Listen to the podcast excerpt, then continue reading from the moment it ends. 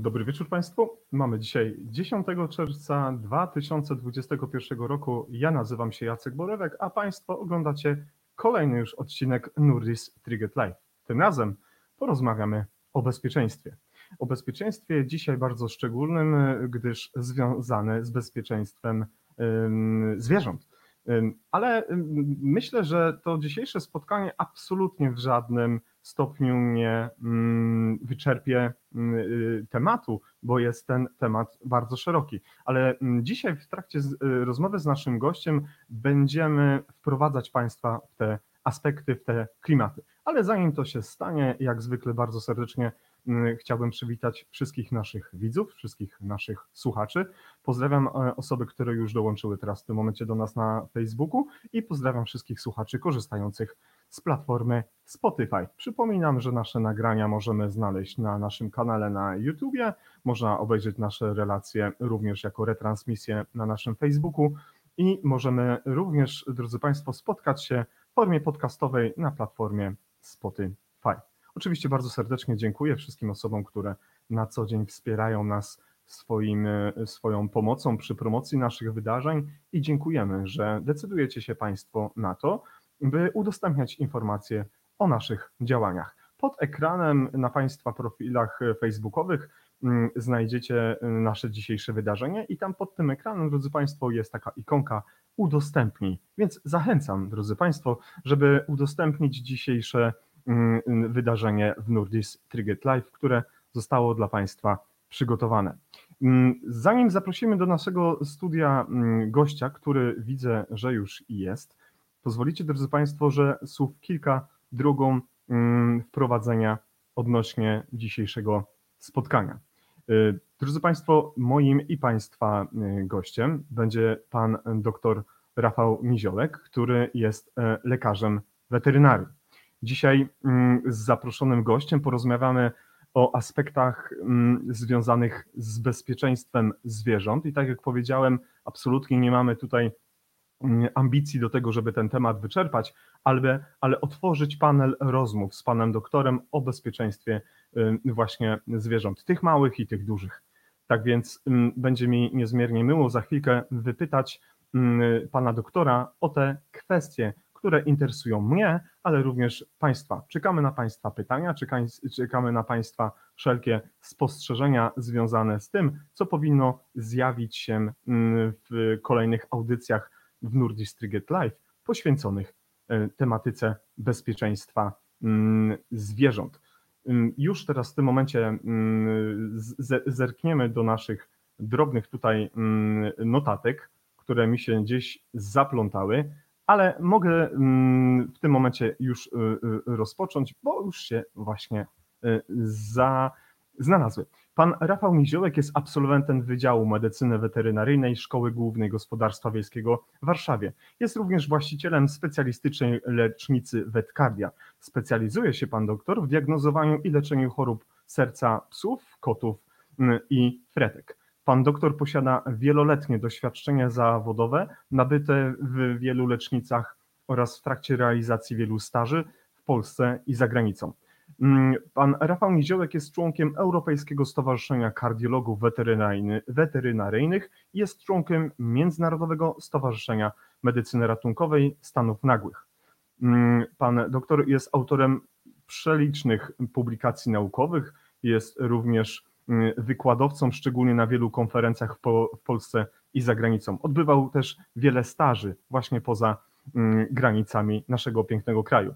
Prywatnie, jak napisał w swoim bio, mąż, ojciec dwóch, y, dwójki dzieci, Natalii oraz Filipa, którego w tym momencie pozdrawiamy, a także właściciel dwóch suczek rasy czeski terrier Lavi i Glow. Zapytam pana doktora, dlaczego akurat taka rasa zjawiła się w jego domu. Jest również pasjonatem makrofotografii, jest pasjonatem filmów przyrodniczych, książek popularno-naukowych, biegów dystansowych, muzyki heavy metalowej oraz muzyki ambient i rocka elektronicznego. Fotografię pana doktora można zobaczyć na facebookowym fanpage'u Nature Innovation, fotografii Rafał Niziołek, a także na Instagramie Tak więc zapraszam wszystkich Państwa bardzo serdecznie do tej wspaniałej rozmowy, a Pana doktora już witam w naszym studiu Nordic Live. Kłaniam się. Dzień dobry. Witam serdecznie. Cześć Jacku, bardzo dziękuję za zaproszenie i ten długi bardzo wstęp tego wszystkiego, co żeś się dowiedział o mnie, gdzieś tam robiąc jakieś śledztwo swoje. Bardzo mi miło tutaj być z Tobą. Dziękuję serdecznie, że, że udało Ci się znaleźć też troszeczkę czasu, bo wiem, jak większość lekarzy i związanych z medycyną, i z weterynarią, personelu, który ratuje zdrowia i życia e, istnień żywych, jesteś pewnie w ostatnim czasie bardzo mocno zabiegany. I bardzo jeszcze raz e, również jestem wdzięczny za to, że przyjąłeś zaproszenie do naszego, naszej rozmowy temat ważny, więc myślę, że myślę, że że się nie skończy na jednym spotkaniu, tym bardziej, że mam nadzieję tutaj trochę tematów jeszcze poruszyć, może kogoś innego jeszcze uda się nam zaprosić tutaj z osób, które, które znam i które specjalizują się w konkretnych dziedzinach tutaj, jeśli chodzi o bezpieczeństwo zwierząt, także zobaczymy, co z tej rozmowy wyniknie. Myślę, że wy, wy, wynikną z tego same najlepsze rzeczy, bo tak jak żeśmy rozmawiali w trakcie naszego pierwszego spotkania, takiego techniczno-zaczepno-obronnego, kiedy notowałem sobie skrzętnie wszystkie Twoje propozycje, to takich stron y, w tym notatniku z samymi tylko tematami, którymi moglibyśmy poruszyć, na, naliczyłem chyba pięć albo sześć. Tak więc jak y, sam y, wyrecytowałeś, a ja skrzętnie napisałem, to rzeczywiście tych kwestii jest bardzo wiele. Zapraszamy Państwa do zadawania pytań, zapraszamy Państwa do tego, żeby wziąć udział w naszej rozmowie bardzo czynnie. Dlaczego? Dlatego, że jak Państwo napiszecie dzisiaj konkretne pytanie do Pana doktora albo zaproponujecie temat naszego spotkania, to będzie to też początek do tego, że mogli, moglibyśmy, tak jak Rafał wspomniał, zaprosić jeszcze kolejnego gościa w przyszłości, który e, konkretnie jako specjalista w danej dziedzinie weterynarii czy bezpieczeństwa zwierząt, jakkolwiek, jakkolwiek by tego nie nazywać, będzie mógł się na ten temat e, wypowiedzieć. Witamy już wszystkich oso- te osoby, które są z nami pod wydarzeniem. Pierwsze komentarze już za chwilkę będziemy je przywoływać do tablicy. Panie Rafale, gdzie Pan nas dzisiaj ugościł? W jakiej miejscowości jesteśmy? Bo wiem, że jesteśmy w Polsce i, i, i dlaczego akurat tam? Dzisiaj jestem w Warszawie akurat, ale przez ostatni rok z uwagi na pandemię trochę pomieszkuję również na Mazurach. Tam mam taki mały domeczek, Aha. w którym przez cały rok moja rodzina mieszkała. E, teraz wrócili z uwagi na, na szkołę, która się zaczęła z powrotem w trybie normalnym.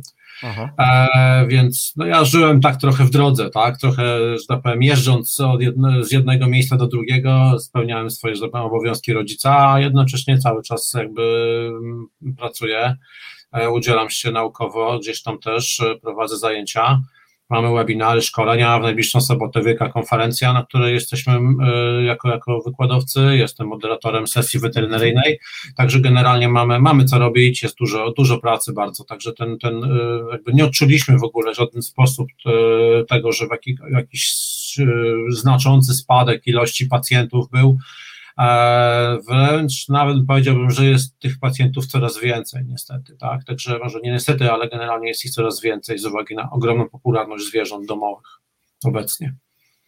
Zanim zadam Tobie takie mm, flagowe pytanie, czy odczuwasz mm, takie, mm, takie przeczucie, albo może czy utwierdzasz się w przekonaniu, że e, robimy dużo dla bezpieczeństwa, mówimy o, dużo e, o bezpieczeństwie zwierząt, czy ten temat jest raczej pomijany, bo na przykład nie jest popularny, bo na przykład nie jest e, trendy, bo na przykład, no bo właśnie, masz takie poczucie, że, że, że ludzie go omijają, czy raczej pochylają się nad nim bardzo często? Nie, nie, nie. Uważam, że to jest temat, który obecnie jest bardzo popularny i coraz więcej osób o tym chce mówić i chce tego słuchać.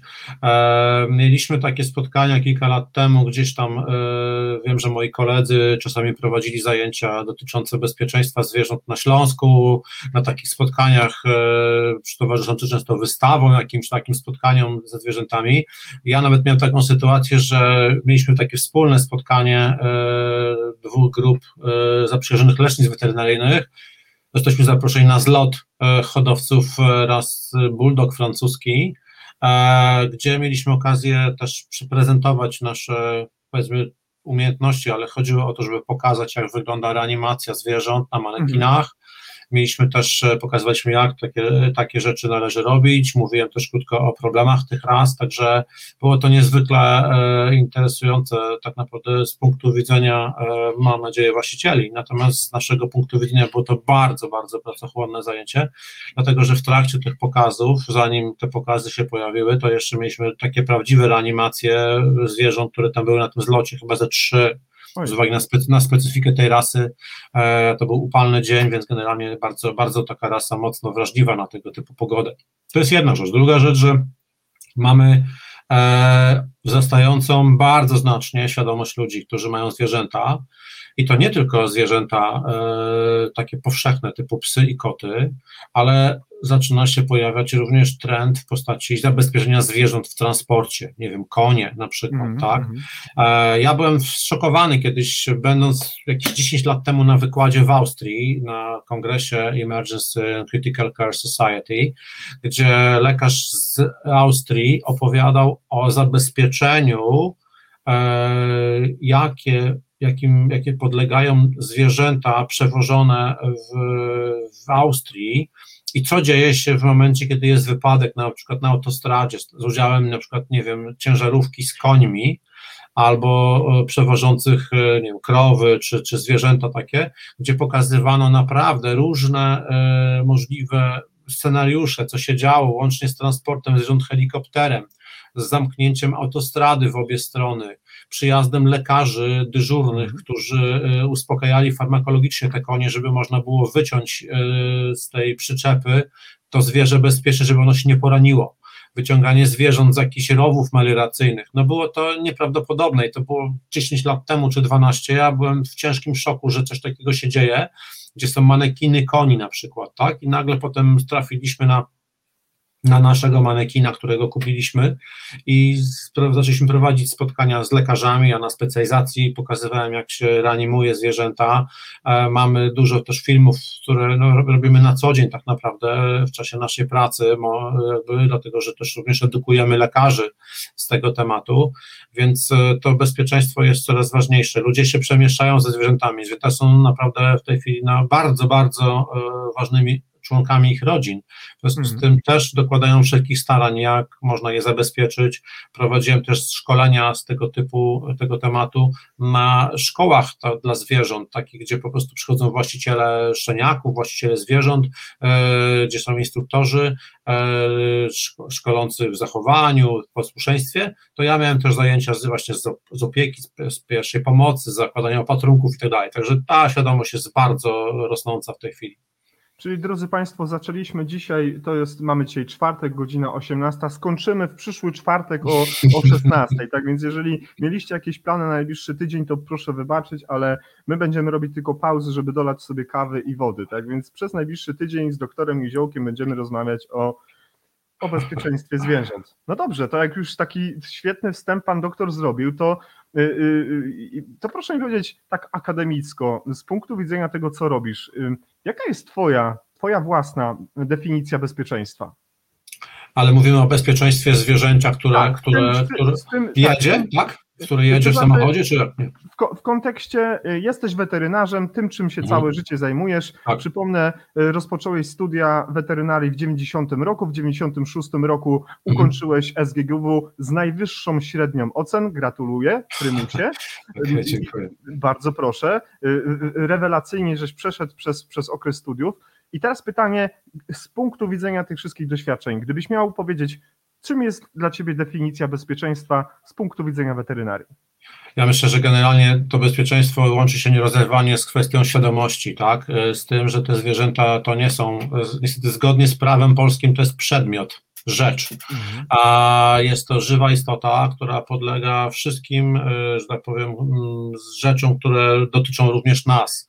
E, bezpieczeństwa w domu, bezpieczeństwa w, w najbliższym otoczeniu, w środowisku, w którym ono najczęściej przebywa, ale żeby to bezpieczeństwo zapewnić, musimy mieć świadomych opiekunów, tak? I ta, te, ci świadomi opiekunowie muszą jakby znać pewne zasady, podstawowe prawidła, które się wiążą z posiadaniem zwierzęta. W pewnym sensie moi koledzy i moje koleżanki, e, lekarze, e, bardzo mocno podkreślają rolę świadomego posiadania zwierząt, tak, no bo jakby wzięcie zwierzęcia wiąże się z ogromną ilością obowiązków, jednocześnie też rosnących kosztów. Te, te koszty są coraz większe, jeśli mamy jakby zapewnić im e, pełen dobrostan, tak? Czyli generalnie e, oprócz, nie oprócz podstawowej, nie wiem, miski, wody i dachu, tak, to jeszcze również musimy zabezpieczyć te zwierzęta w formie naprawdę bardzo wielu rzeczy, bezpiecznego transportu, bezpiecznego e, przebywania w domu, e, kontaktów między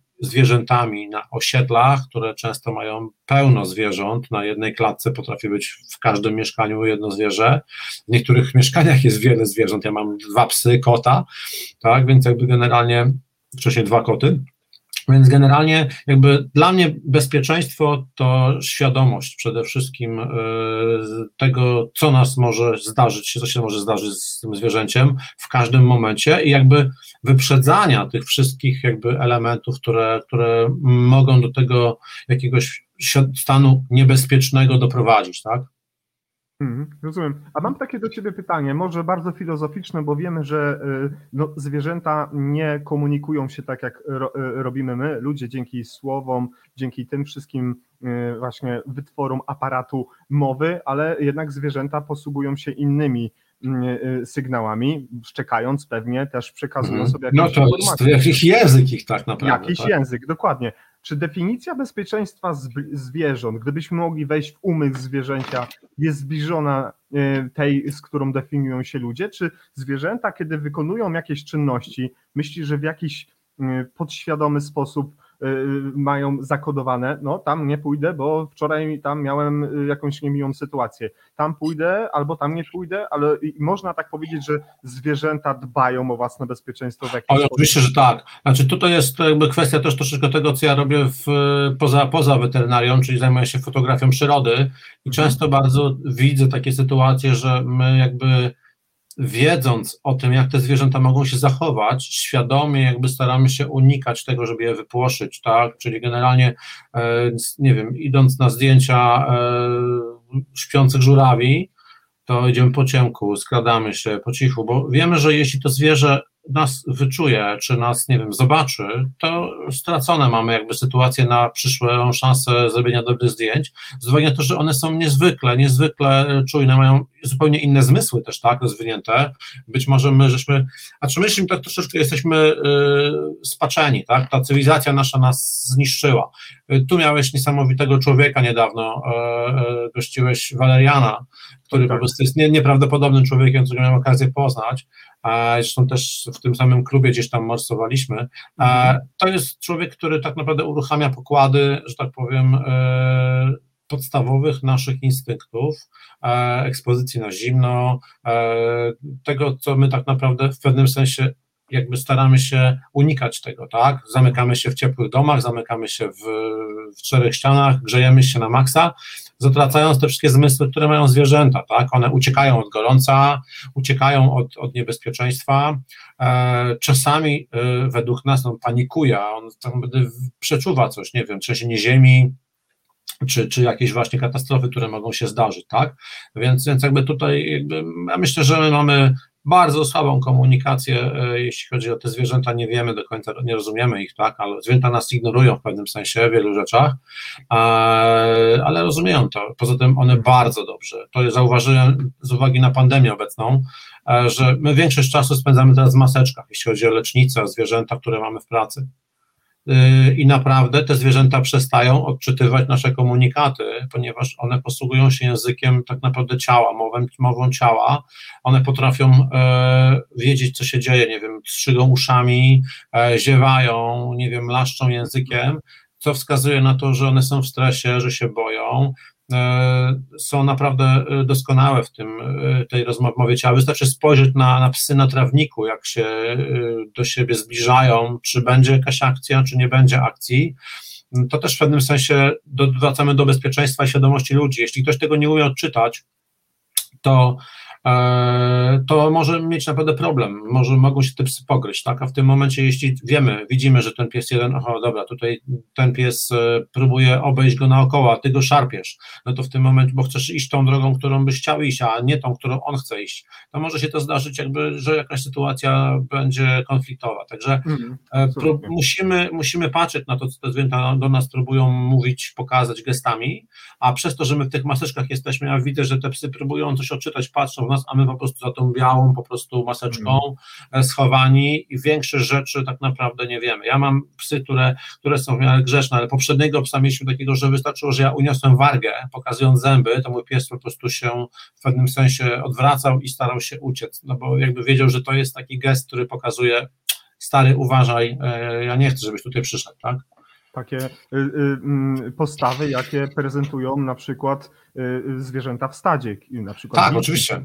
kotowate, tak, kiedy wy, wy, wykorzystując mięśnie twarzy, tą mimikę właśnie eksponują. Faktycznie, jest to bardzo ciekawe. Mm, Zanim pójdziemy, przejdziemy do kwestii związanych z, pytani, z pytaniami od naszych widzów, to ja jeszcze tylko drugą wprowadzenia takiej części wywiadowej zapytam, no to dlaczego Rafał Niziołek został weterynarzem? To bardzo śmieszne jest pytanie, generalnie, znaczy śmie, nie, nie, nie śmieszne pytanie, tylko to jest pytanie, które jakby zrodziło się w pewnym sensie z e, tego, że nigdy nie chciałem być lekarzem medycyny. E, jakoś... Nie pytam e, dlaczego. Znaczy, mogę odpowiedzieć na to pytanie bardzo prosto. Jakby absolutnie nie podoba mi się relacja e, lekarz medycyny pacjent. W wielu przypadkach niestety jest to, jest to niefajna taka relacja. Aczkolwiek znam niesamowitych lekarzy, którzy, którzy są e, bardzo poświęcają się swojej pasji i są wspaniałymi ludźmi. Znam wielu przyjaciół wśród lekarzy medycyny, ale jakby ta relacja mi się nie podobała nigdy, nie chciałem tego robić. E, Miałem wstręt do, do wykonywania potencjalnych sekcji na pierwszym roku studiów e, ludzi na, na anatomii prawidłowej, gdzieś tam. E, A w ogóle chciałem być ichtiologiem, oceanografem, chciałem zajmować się e, biologią morza, a chciałem tak naprawdę pracować na stacji Arctowskiego i na Antarktydzie. Także generalnie to było coś, co mnie najbardziej fascynowało. I W ogóle biologia morza jest taką dziedziną, którą uwielbiam, lubię oglądać. Moim ulubionym gatunkiem zwierząt jest, jest żarłacz biały, mm, którego jeszcze nie miałem okazji nigdy zobaczyć. Mam nadzieję, kiedyś może będzie taka szansa. Tylko przed tobą. Tak, ale, ale jakby bycie weterynarzem jakby jest wspaniałą rzeczą, dlatego że mamy kontakt ze zwierzętami. Niestety mamy kontakt z wieloma opiekunami zwierząt. Niekoniecznie są to wspaniali ludzie, ale, ale y, i wiemy zawsze, że idąc na, na, na kierunki medyczne, e, uzyskujemy ogromną ilość wie, wiedzy, takiej bardzo szerokiej, ponieważ lekarz weterynarii e, jest człowiekiem wielu specjalności, tak naprawdę. My zajmujemy się y, higieną zwierząt, y, higieną produktów spożywczych, mlekiem, jajkami, wszystkim, więc jakby ta nasza wiedza, e, e, ta nasza wiedza jest jakby bardzo e, szeroka. Znamy mikrobiologię, znamy farmakologię, znamy, e, wiemy jak zwracać uwagę na to, czy, mięso jest zepsute, czy nie wiem, czy ser jest spleśniały i tak dalej, tak? Mm, Więc jakby dzięki temu też w pewnym sensie poznajemy ten świat troszeczkę szerzej niż lekarze medycyny, którzy zamykają się bardzo mocno w specjalizacji swojej i jakby już on poza ten pa, przysłowy palec przy kolano nie wyjdzie dalej. A, a lekarze podchodzą weterynarii do tego bardzo holistycznie. W wielu przypadkach jakby e, profesor Wojtek Kosiak, który jest niesamowitym wykładowcą, zawsze jak z nim rozmawiam, mówi, słuchaj, ale wy to macie jakieś takie po prostu niesamowite rzeczy, że wy sobie gadacie, e, wiecie mniej więcej, co z temu pacjentowi jest, a ten pacjent do was nie mówi nic, tak? Mhm. My musimy wyciągać wnioski, staramy się bardzo mocno jakby w tym kierunku e, i że jakby ta nasza wiedza wychodzi od samej podstawy, od badania klinicznego, przez te wszystkie poszczególne elementy, które się wiążą z, z, z pracą, rozpoznawaniem diagnostyki, jakbyśmy, nie wiem, z neonatologiem porozmawiali, tak? Także Absolutnie. Wspomniałeś przed chwilką o Grenlandii, wspomniałeś przed chwilą o oceanografii i w- w momencie, kiedy po, przypomniałem sobie dwie osoby, które gościłem w tym programie, pierwszą y, z nich, y, mm, która wpadła mi od razu do głowy, y, y, kiedy powiedziałeś o Grenlandii, jest pan Piotr Pustelnik, który, jak wiesz, Mhm. jest zdobywcą Tak, e, tak. korony, korony ziemi, e, Himalajów, Karakorum i tak dalej, i tak dalej. I pan Piotr wybiela się gdzieś tam w przyszłości na Antarktydę, więc e, chętnie skontaktuję cię z panem Piotrem. A druga osoba, która mi wpadła od razu do, do, do głowy, jest Ewa Borowska, która jest absolwentką mm, SGGW i tutaj cię serdecznie pozdrawia, bo jest O, chętnie również- poznam. Jest po ce- oceanografii. Ewa była tutaj y, w naszym programie, jest doktorantką, pracuje ze swoimi fantastycznymi członkami zespołu na, na temat, na, nad projektami wszelakimi. Polecam spotkać się z Ewą, bo ona jest tak zwanym przepięknym umysłem jak dla mnie. I w tym momencie y, takie fajne, mm, koleżeńskie Witam, cześć Ewo, dzień dobry. poleciało. Ym, Zapraszam Państwa do tego, żebyście, drodzy, mili dzisiaj widzowie i słuchacze, zadawali pytania do Pana doktora i te pytania już się posypały. Ja nie wiem, czy to jest kwestia tego, że właśnie medycyna weterynaryjna i bezpieczeństwie zwierząt, czy to jest Twoja zasługa, drugi Rafale, bo wszędzie, gdzie się pojawiasz, to wykłady po prostu wypełniają y, po brzegi się, y, y, te, te sale, przepraszam, wykładowe. No i pierwsze pytanie od Pani mm, Natalii Urbańskiej, którą bardzo serdecznie pozdrawiamy która zapytała się o kwestie, które miałem przygotowane, bo w sumie żeśmy troszkę na ten temat rozmawiali w trakcie naszego technicznego połączenia. I to pytanie brzmi: czy mogłabym prosić o informacje na temat bezpieczeństwa transportu zwierząt samolotami? Jakich niebezpieczeństw można się spodziewać? Jak przygotować zwierzę do podróży? I może od razu dodam, czy podróż w luku bagażowym jest bezpieczna? To jest dosyć bardzo złożona kwestia, dlatego że są e, szczególne e, uwarunkowania dotyczące transportu zwierząt samolotami, z uwagi na to, że to niestety linie lotnicze mają tutaj pewien jakby zakres e, zasad, które oni muszą spełniać. Mm, przeszliśmy płynnie, omijając samochody, ale generalnie ok, samoloty są trudne bardzo. Po pierwsze, zawsze trzeba dowiedzieć się, jak wygląda kwestia tego, jak linia lotnicza zapatruje się na transport zwierząt. To jest pierwsza rzecz. Zwykle to jest tak, że nie może przybywać więcej niż dwa zwierzęta na pokładzie. Zwykle to jest maksymalny ciężar zwierzęcia 8 kg chyba razem z klatką. E, Nie może być jednocześnie pies i kot na pokładzie. No wiele rzeczy musi być spełnionych, żeby to było bezpieczne. E, Kolejna sprawa e, to kwestia transportu dużych zwierząt. Znane są przypadki niestety śmierci zwierząt w czasie podróży z powodu tego, że na przykład załoga nie włączyła ogrzewania w luku bagażowym, tym gdzie transportuje się zwierzęta w klatkach, tak, bo tutaj jest tak, że są, tak, de, facto są dwa miejsca, gdzie te zwierzęta mogą być, albo u nas w klatce na kolanach, nie wiem, czy, czy w koszyku, w którym może być małe zwierzę typu chihuahua, czy jakiś mały piesek, e, czy mały kot i, i leżeć mniej więcej w miejscu, gdzie jest bagaż podręczny, Może być to też również kwestia e, nadania, w pewnym sensie, no, brzydko powiem, nadania tego zwierzęta, zwierzęcia do luku bagażowego. I to trzeba zrobić też, trzeba dużo wcześniej e, skontaktować się z linią, jak to zrobić, wcześniej na pewno przyjść na odprawę. To zwierzę w klatce jest transportowane, zwykle to jest klatka własna e, opiekuna albo wypożyczona. E, Musi być to klatka bardzo mocna, e, dobrze funkcjonująca. Klatka jest naprawdę najczęściej metalowa, z jakimiś twardymi ściankami. Mm, Miejsce na wodę. Mm, Zwykle staramy się rekomendować sedację, płytkie uspokojenie lekowe, które ma e, mm, przede wszystkim spowodować to, że będziemy mieli te zwierzęta e, mniej zalęknione. To jest bardzo duży stres. E, Oczywiście to bezpieczeństwo jest tak naprawdę ważnym elementem i zależy to od tego, jak tą linią, że tak powiem, ktoś zarządza. Są bezpieczne bardzo linie typu KLM na przykład, które jest uznane za jedną z najlepszych linii lotniczych, jeśli chodzi o transport zwierząt, ale wręcz nawet ostatnio się pojawiły informacje, że niektóre linie zabraniają w ogóle przelotu zwierzętom po różnego rodzaju wypadkach. I są linie, które całkowicie odmawiają zgody na to, żeby takie zwierzę leciało. E, Niedawno e, przygotowałem wy, wykład dla, dotyczący chorób e, psów krótkonosych, gdzie znalazłem informację, że kilkanaście zwierząt zmarło w ciągu ostatnich kilku lat w Stanach Zjednoczonych, właśnie tych ras krótkonosych, które mają ogromny kłopot z termoregulacją. One się przegrzewają i często jest tak, że te zwierzęta niestety y, są na pierwszym miejscu, jeśli chodzi o zakazy, tak, czyli jakby mopsy, buldożki francuskie, boston terriery, bulldogi angielskie mają często bardzo duże ograniczenia albo wręcz jakby e, zakazy lotów. Także tutaj myślę, że to jest taki temat, który no, jest niewyczerpany, no ale jeszcze ciekawostkę podam. Mój kolega, który był lekarzem weterynarii obsługującym e, konie olimpijskie, e, które leciały do, na olimpiadę w Pekinie.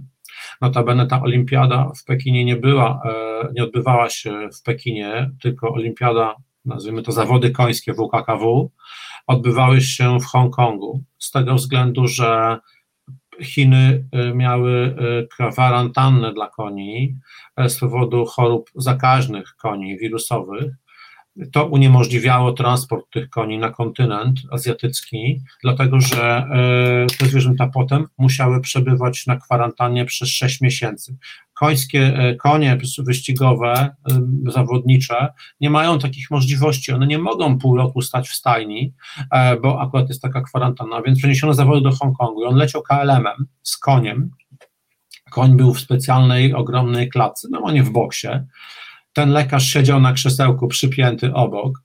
E, w czasie startu, kiedy my tam przełykamy ślinę, jemy cukierki i tak dalej, to ten koń żył siano, które on mu podawał, e, chodził z wiadrem wody, sprzątał mu boks, bo ta podróż trwała wiele godzin i ten koń doleciał bezpiecznie, tak? Potem wylądowali, konie poszły do klimatyzowanego pomieszczenia, e, gdzie odbyły kwarantannę, także generalnie to różnie to wygląda, natomiast jakby mhm te zwierzęta są przewożone w bardzo różnych warunkach, ale zazwyczaj starają się jednak te linie, e, żeby to było maksymalnie bezpieczne. Niestety wypadki się zdarzają. Tak, absolutnie, absolutnie tak. Nawet pani Natalia bardzo podziękowała za odpowiedź i już napisała e, również drugą komentarza zwrotnego do pana doktora, do nas i do wszystkich widzów i słuchaczy Nurdistriget Live. Już słyszę, że linie lotnicze nie są gotowe na bezpieczny transport zwierząt. Trzy kropki.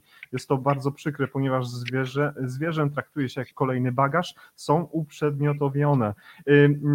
Pani Natalio, ja dużych doświadczeń nie mam, z pewnością pan doktor ma ich więcej i kiedy żeśmy rozmawiali z panem doktorem na ten, y, y, y, na ten temat, na, znaczy na temat, jakie tematy należy poruszać, to z pewnością pragniemy zapewnić, że temat bezpieczeństwa zwierząt w trakcie transportu.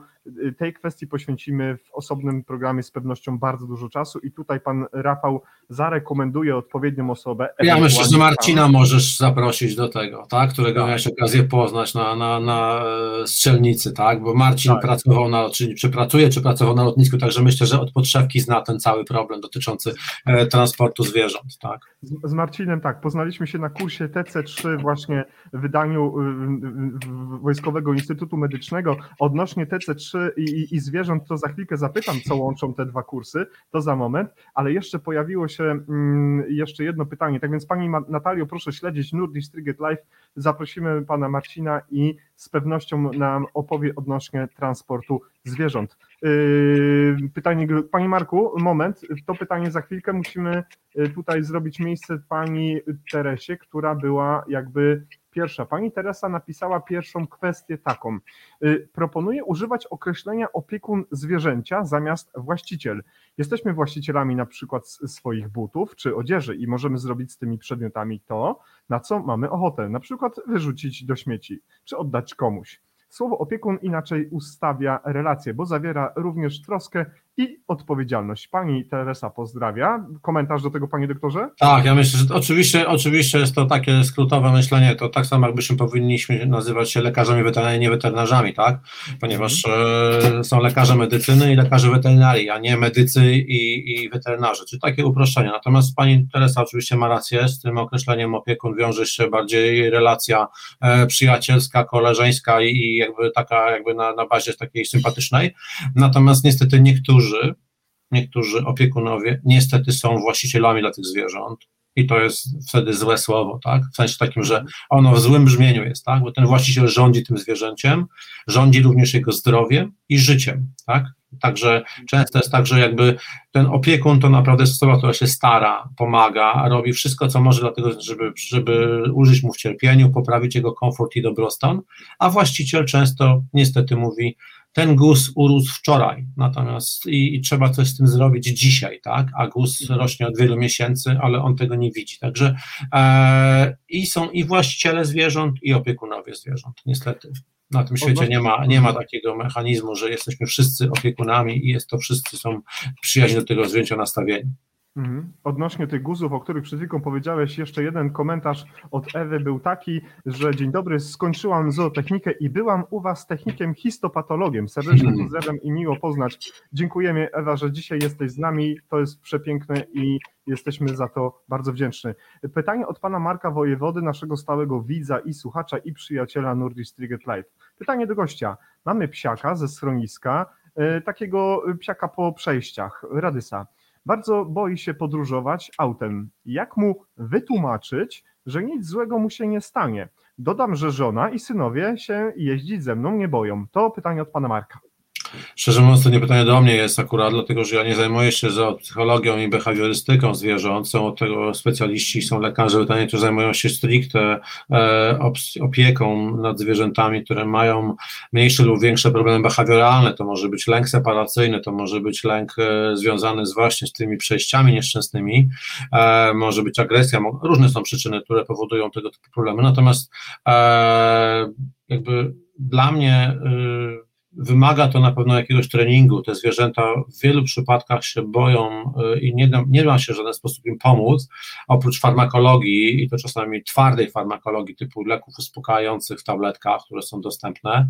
E, no to tutaj jako ludzie, jeden przeżywa podróż samolotem i musi walnąć lufę, a inny po prostu będzie spokojnie czytał książkę i wyluzowany będzie, tak? Także nie ma takiej jednoznacznej recepty na to. Moim zdaniem tutaj wymaga e, taki zwierzę kontaktu z behawiorystą, z lekarzem, który potrafi mu w jakiś sposób e, logiczny e, wytrenować ten mechanizm, wydawać mu jedzenie w tym samochodzie, potem krótką przejażdżkę i tak dalej. Ja mam dwa psy. E, jeden pies jest natychmiast zasypia, tak naprawdę.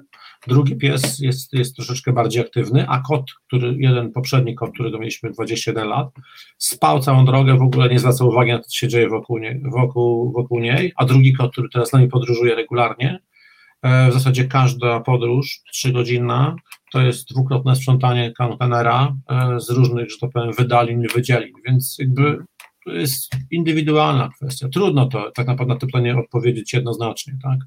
Zaprosimy może kiedyś takiego specjalisty po konsultacji z Tobą, kto mógłby na ten temat odpowiedzieć, a Pani Natalia odniosła się do pomysłu z zaproszenia Marcina, że jest to pomysł świetny. Myślę, że to ważny temat dotyczący coraz więcej osób i zwierząt przede wszystkim. Raz jeszcze Pani Natalio, dziękujemy za Pani dzisiejszy udział, bardzo aktywny w naszym spotkaniu. Rafale, kiedy należałoby zrobić przegląd tematów do rozmowy o bezpieczeństwie, co ty, jako nie tylko weterynarz, nie tylko jako szef kliniki weterynaryjnej i, i nie tylko jako człowiek, który sam ma te dwa małe czeskie terierki i kota i uwielbiasz zwierzęta, gdybyś miał wskazać najważniejsze tematy do rozmów na przyszłość tu w Nordic Triget Live, ale w ogóle też w przestrzeni, to jakie tematy związane z bezpieczeństwem zwierząt dla Ciebie są najważniejsze? To już Ci mówię. Myślę, że podstawowa rzecz to jest tak naprawdę bezpieczeństwo w otoczeniu tego zwierzęcia. To jest dom, mieszkanie, czyli generalnie wszystkie rzeczy dotyczące mieszkania. Myślę, że ogromny temat to, jest, to są zatrucia. Toksykologia w ogóle to jest temat, temat rzeka to, co się dzieje, jakby jakie, na jakie substancje zwierzęta są świadomie bądź nieświadomie jakby narażane, to jest, to jest ogromny temat i to jest temat, który powinien być wałkowany regularnie. To nie są tylko obiegowe opinie typu, nie wiem, nie dawajcie zwierzętom czekolady, cebuli, rodzynek i tak dalej, ale to jest czosnku, ale to są tak naprawdę najbardziej trywialne rzeczy. Zwierzęta mają swoje leki e, i lekarze mają ogromny problem jakby z przetłumaczeniem tego, że ta tabletka paracetamolu to niestety nie jest tabletka dla kota, bo on umrze po tej tabletce, tak? Czy tego typu rzeczy. Także to bezpieczeństwo dotyczy tego w domu i w ogrodzie, jakby to nazwać, tak? Czyli to, co w domu możemy zobaczyć yy, sięgając na półkę, nie wiem, sól, tak? Ja miałem, mam przez tyle lat psy i ciągle coś tak naprawdę w zasadzie mieliśmy kilka ostatnio bardzo poważnych problemów z nimi. U nas w domu, w własnym domu, lekarzy weterynarii, bo moja żona też jest lekarzem weterynarii, gdzie jeden z naszych psów poprzednich pod naszą nieobecność rozgryzł baterię alkaliczną. Także generalnie to była, to była potworna sytuacja, bo ona się poparzyła kwasem z przegryzionej, przegryzionego paluszka litowego, litowo, tam, litowo-jonowy jakiś tam był. Mhm. Gdyby ona go połknęła, a zdarzają się sytuacje, że psy połykają telefony, baterie, różne rzeczy, ona by zmarła, ponieważ nie ma otrutki na lit. Natomiast miała poparzenie języka, miała obrzęk języka, nie jadła, miała poparzone śluzówki, y, martwice, dużych fragmentów warg, e, tylko dlatego, że ta bateria dziś została na wierzchu. Nic się z nią nie stało, po tygodniu w ogóle wargi się y, goją błyskawicznie, e, to jest niesamowita prędkość gojenia się, to 4-5 dni nie było śladu w ogóle po tym. Mhm. E, druga sprawa to wszystkie te trutki na szczury i tak dalej. Ostatnio nasz pies dostał się na przykład do karmy dla kur, w której, y, który weszła do, po prostu do komórki, gdzie po prostu była pasza, moja żona karmiła kury e, na wsi i okazało się, że ten pies zjadł sporą część tej paszy, miała bardzo ciężkie problemy, objawy ogólne, e, które spowodowane były uszkodzeniem wątroby, trzustki, ponieważ zawarte w tej paszy była, e, była monenzyna, substancja, która jest koksydistatykiem, czyli taką substancją, która ma likwidować pasożytne, pierwotniaki układu pokarmowego kur, dla kur nie groźna, natomiast dla zwierząt, dla psów groźna. Tak naprawdę i ten pies miał kilka dni naprawdę wyjęty z życiorysu, miał bardzo silne bóle brzucha, wymioty biegunkę, musieliśmy jej dawać kroplówki, jechać do szpitala, tam do koleżanki naszej, która zrobiła wszystkie badania i tak dalej.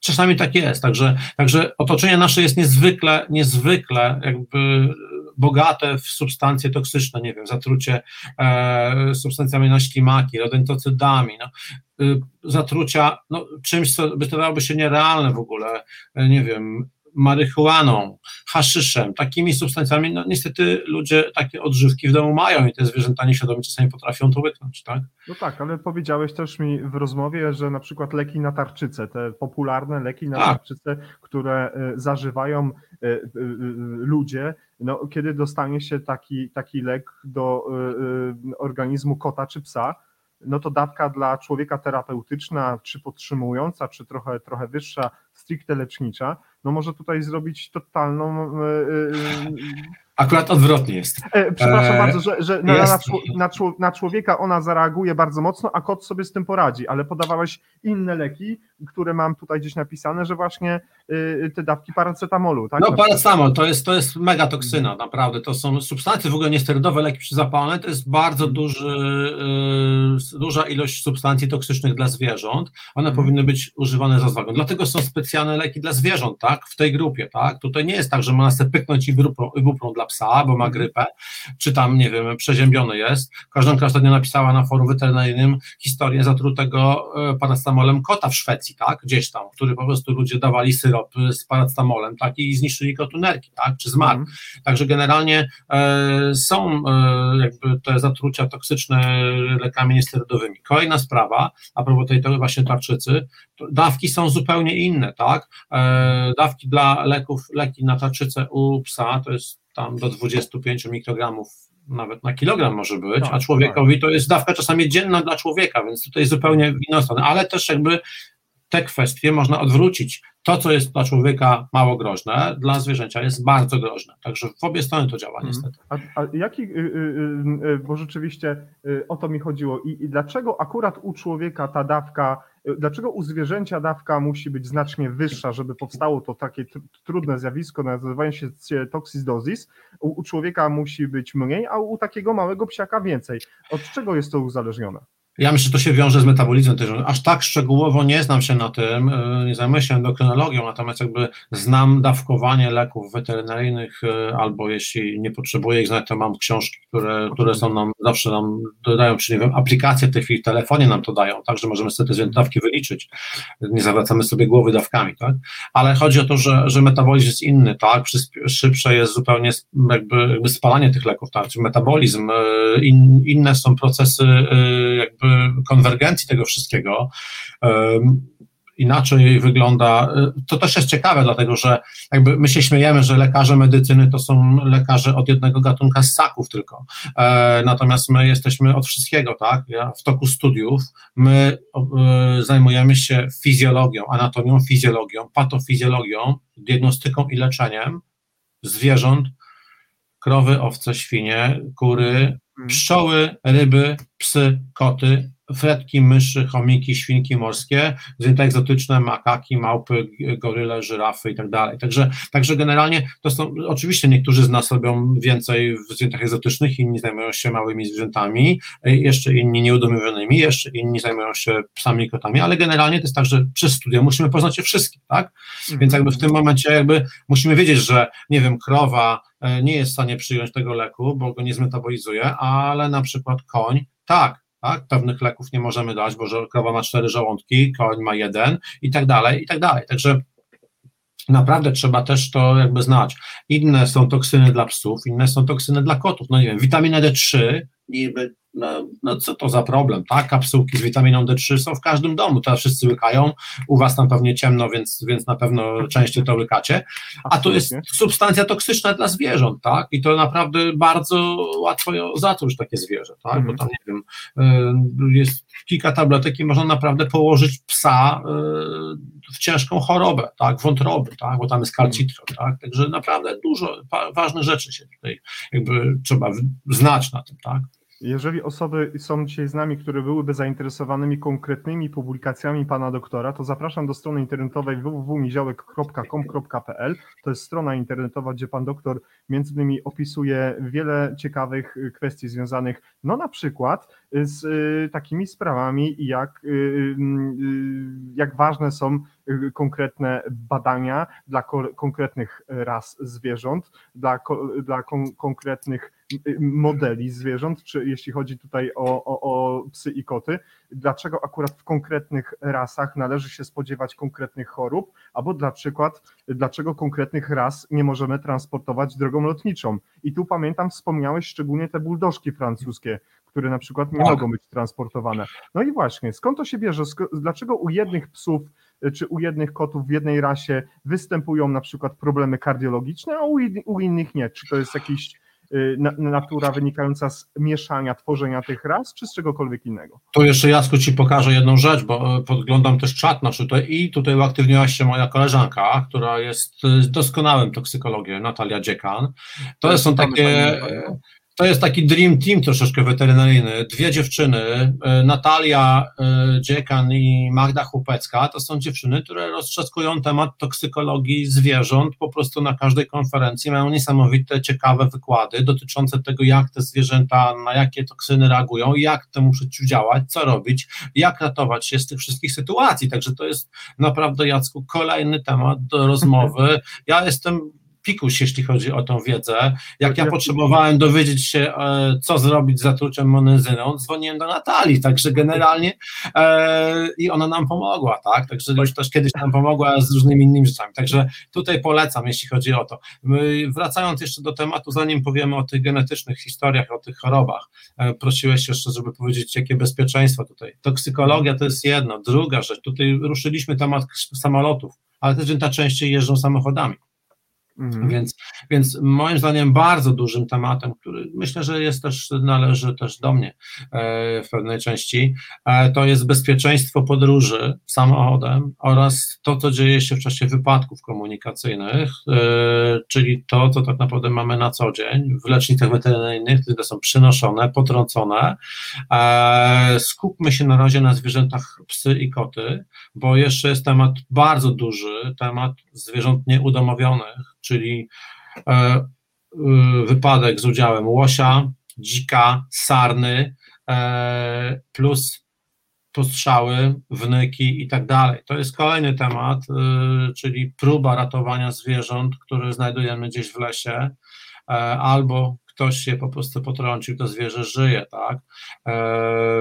To jest kolejna rzecz, czyli tematy dotyczące, dotyczące ratowania zwierząt nieudomowionych, są specjalne schroniska, są specjalne stowarzyszenia ratujące zwierzęta nieudomowione, myśli królik w Biesku Białej, Stowarzyszenie Ochrony Wilka, Rysia, różnych zwierząt. Jest duży, ogromny szpital w Przemyślu Radka Fedaczyńskiego, który ratuje te zwierzęta. Także generalnie każda w zasadzie miejsce w Polsce ma ptaki, no jakby temat, no, temat rzeka tak naprawdę.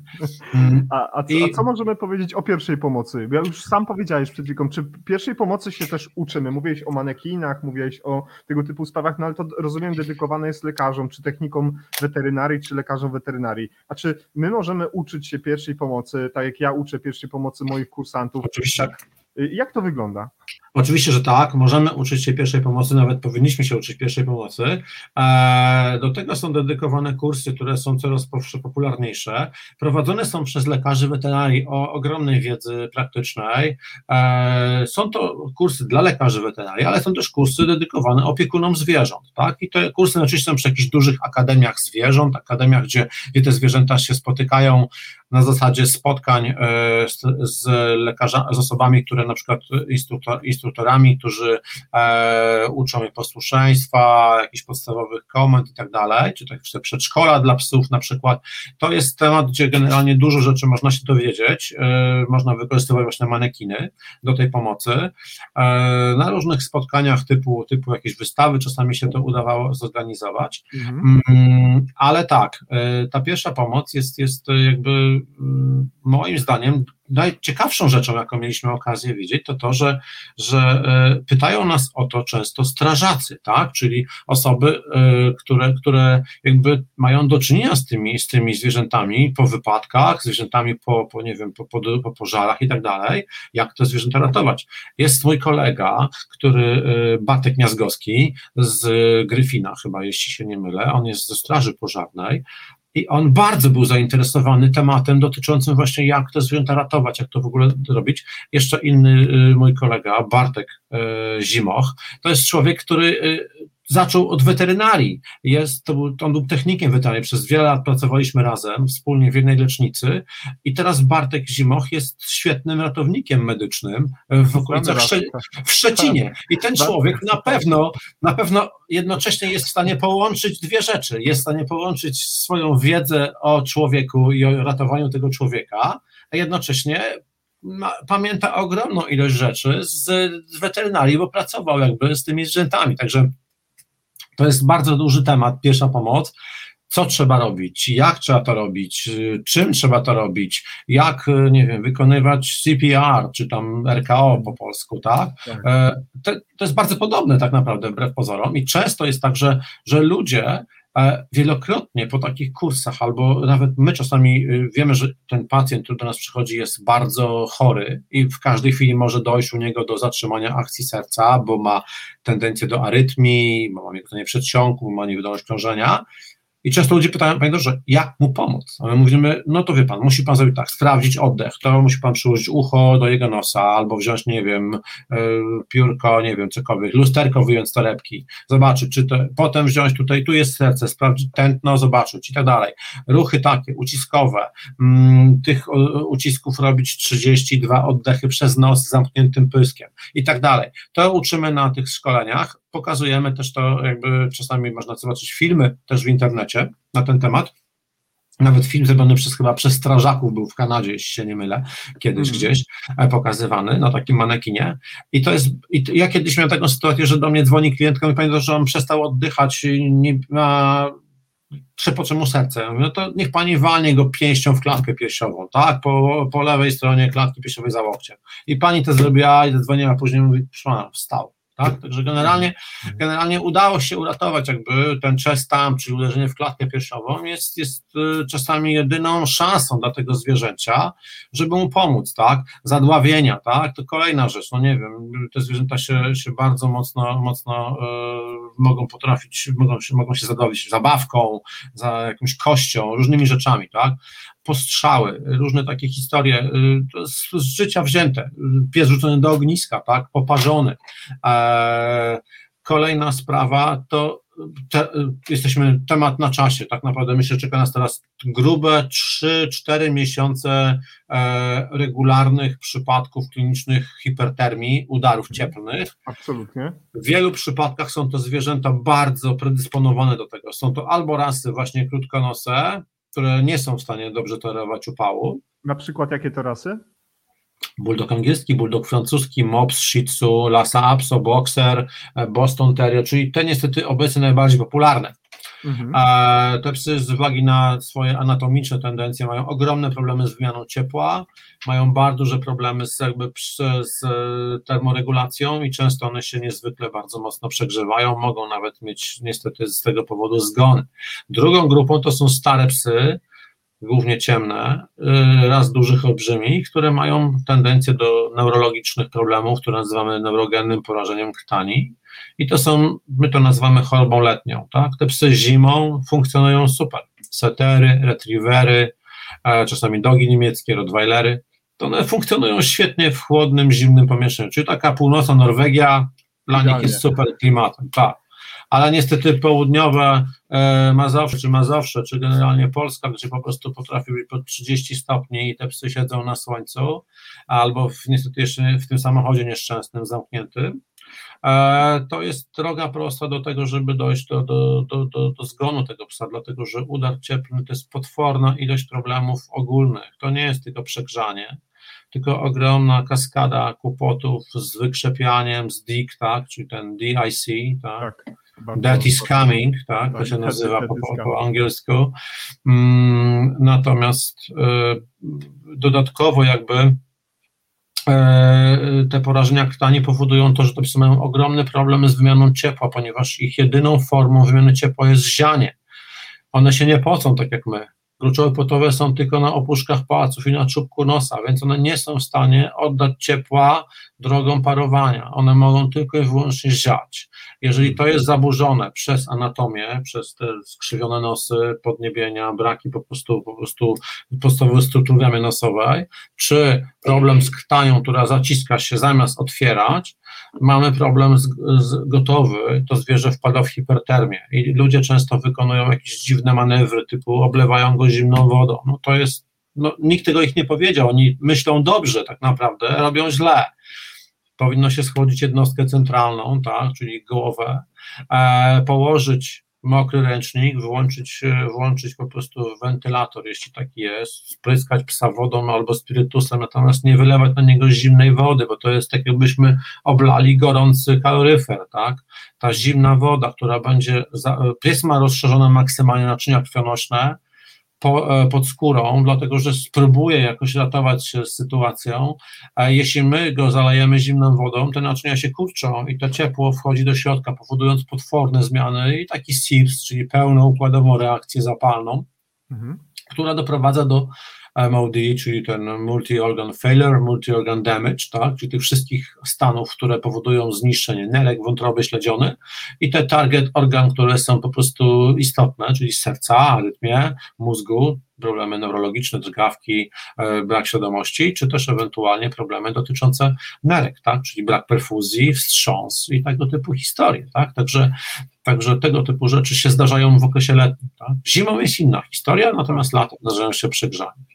Dlaczego pan doktor tak e, intensywnie o tym mówi? Dlatego, drodzy Państwo, że pan doktor zajmuje się między innymi właśnie problemami kardiologicznymi, kardiologiczno-płucnymi. Pan doktor wykorzystuje między innymi w swojej pracy ultrasonografię, która oparta jest na odpowiednich protokołach, dzięki którym takie protokoły to WetBlue i TFAST między innymi, jeżeli dobrze pamiętam, dzięki mhm. któremu e, możemy zlokalizować e, dane miejsce problemu, nazwać ten problem i wprowadzić kolejną, kolejną y, postępowanie dy, dy, dy, diagnostyczne i oczywiście lecznicze. Stąd zapraszam, y, może y, drogi Rafale, zrobimy kiedyś wykład na temat stricte ultrasonografii u, u zwierząt, ale to by trzeba było, było ciebie i na przykład jeszcze Tomka Góreckiego i Kasię Hampton i znowu Bartka. Zimocha, bo byśmy, tak jak żeś wtedy na konferencji opowiadał o ultrasonografii zwierzęcej na konferencji u, u Tomka, to znowu tak trzy dni myślę, trzy dni by nam wystarczyło wystarczyło, żeby zrobić wstęp, tak myślę.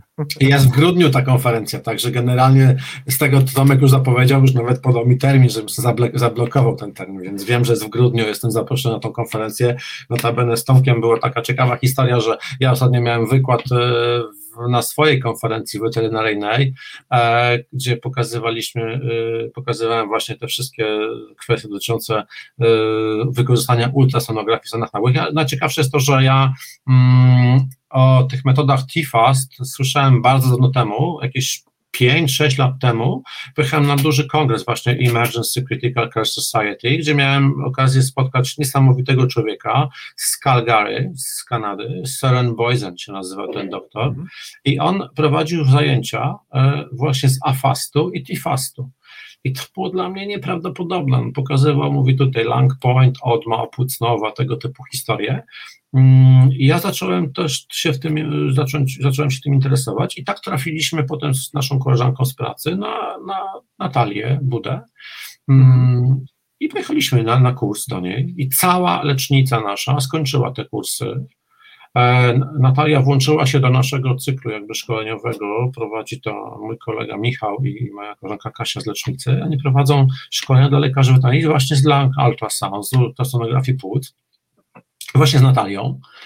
E, I to jest ciekawe bardzo, bo okazuje się, że w ogóle weterynaria polska, e, nie tylko za sprawą moją, i bo to jest skromna rzecz, jakby my robimy to od, od jakiegoś czasu, natomiast e, tutaj mamy bardzo dobrych specjalistów od tego, dużo wcześniej, którzy zaczęli tą ultrasonografię płuc na poziomie naprawdę bardzo zaawansowanym. Tutaj pozdrawiam Anię Kosiec, która jest dla mnie taką pionierką tego typu rzeczy w Polsce.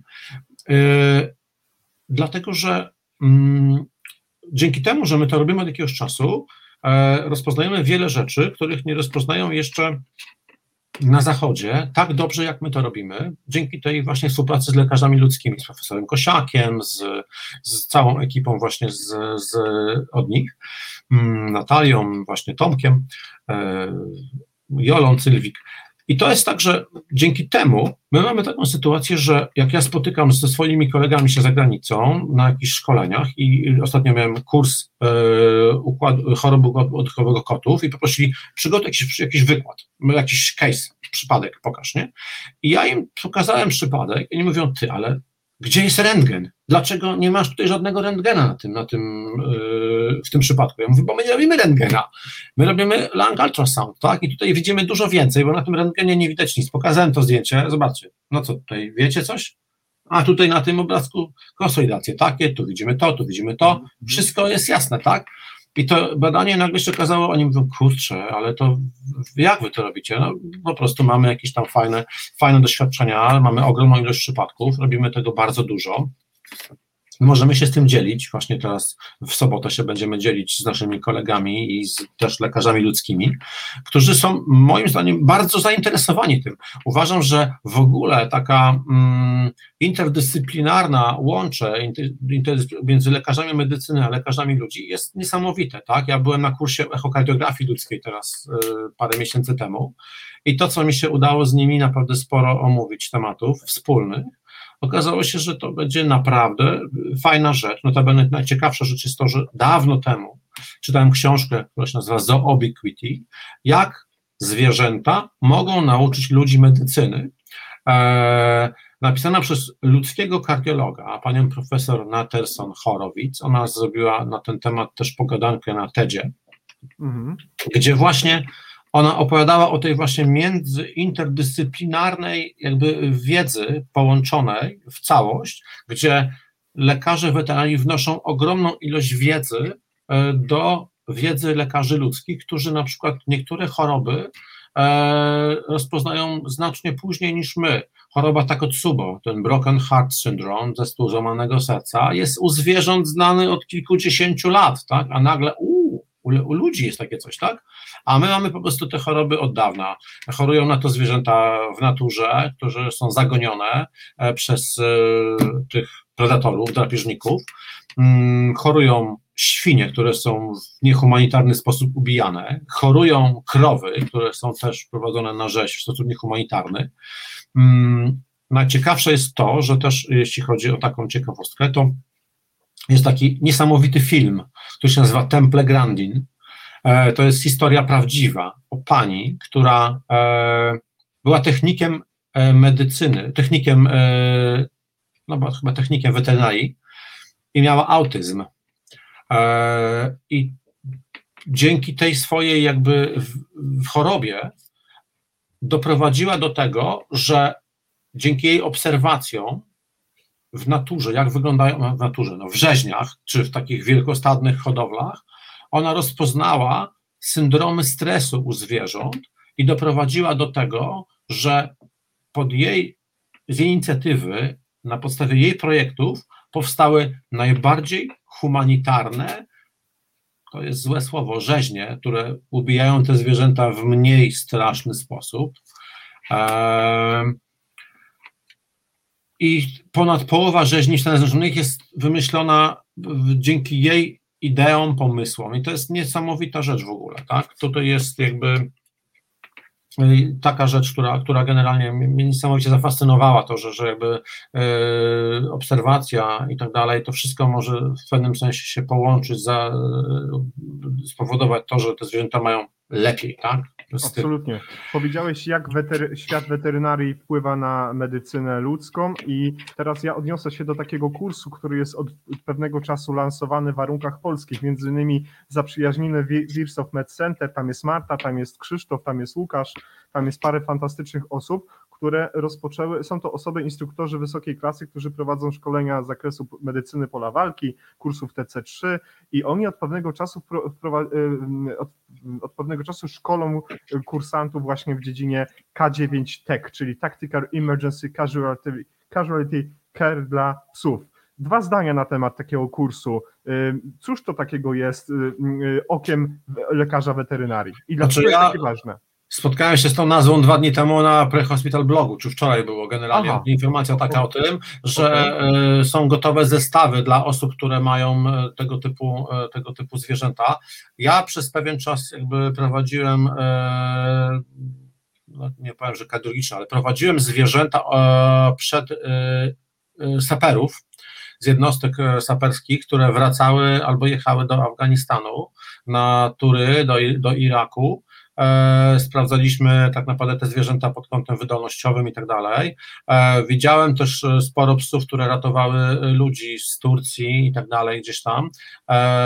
Także te zwierzęta są, nie są mi obce, to są niezwykle fajne zwierzęta, jeśli chodzi o to, dlatego że one przebywają zawsze ze swoim opiekunem, więc to są, to jest więź nierozerwalna tak naprawdę. Zupełnie inaczej zachowują się psy policyjne, które najczęściej mają mhm. jednak, zostają w kenelu po swoim dyżurze, a lekarz idzie do domu, ten y, policjant idzie do domu, a tutaj żołnierze mieszkają z tymi zwierzętami i często te zwierzęta idąc na emeryturę, idą na emeryturę do swojego opiekuna.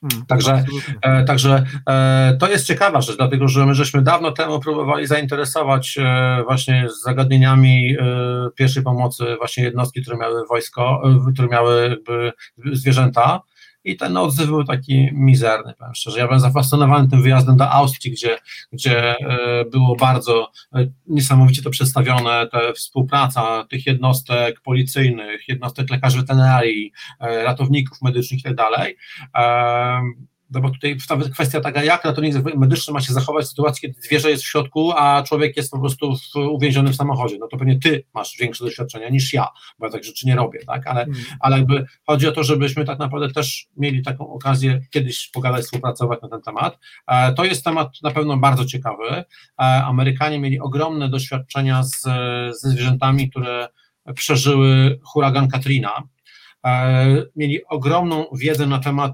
starvation syndrome, czyli zespół e, takiego nieświadomego głodzenia, że te zwierzęta były zagłodzone, zabiedzone i wprowadzenie im diety powodowało ich zgony, dlatego że te zwierzęta musiały bardzo powoli być wprowadzane do, do żywienia, ponieważ ich układ w ogóle pokarmowy był strasznie zdewastowany.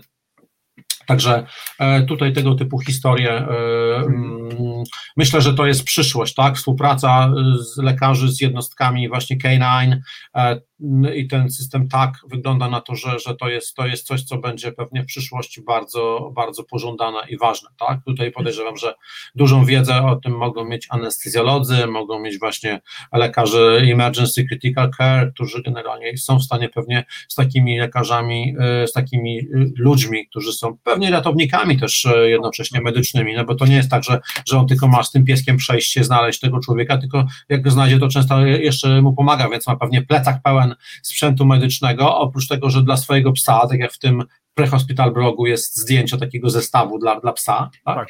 Mhm, to tak, mhm. tak samo jest pewnie też ten człowiek wyposażony dla taki zestaw dla człowieka, tak?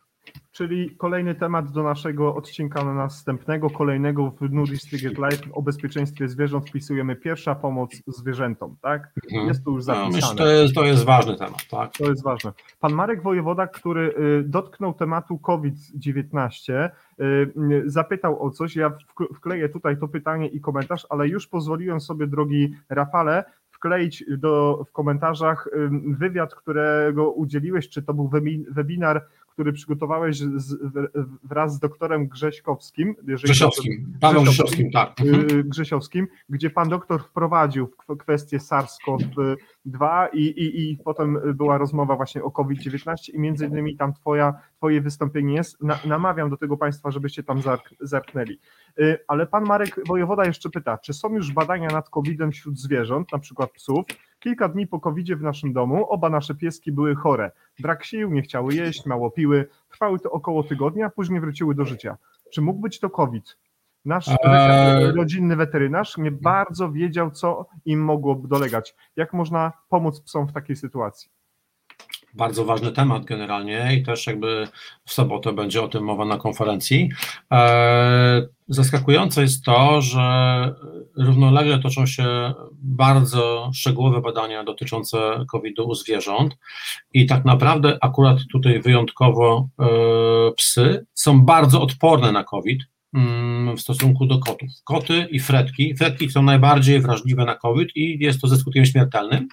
E, Stąd e, taka dewastacja e, i w zasadzie usuwanie przez eutanazję całych ferm zwierząt futerkowych w Danii na przykład, które służyło temu, żeby ochronić ludzi.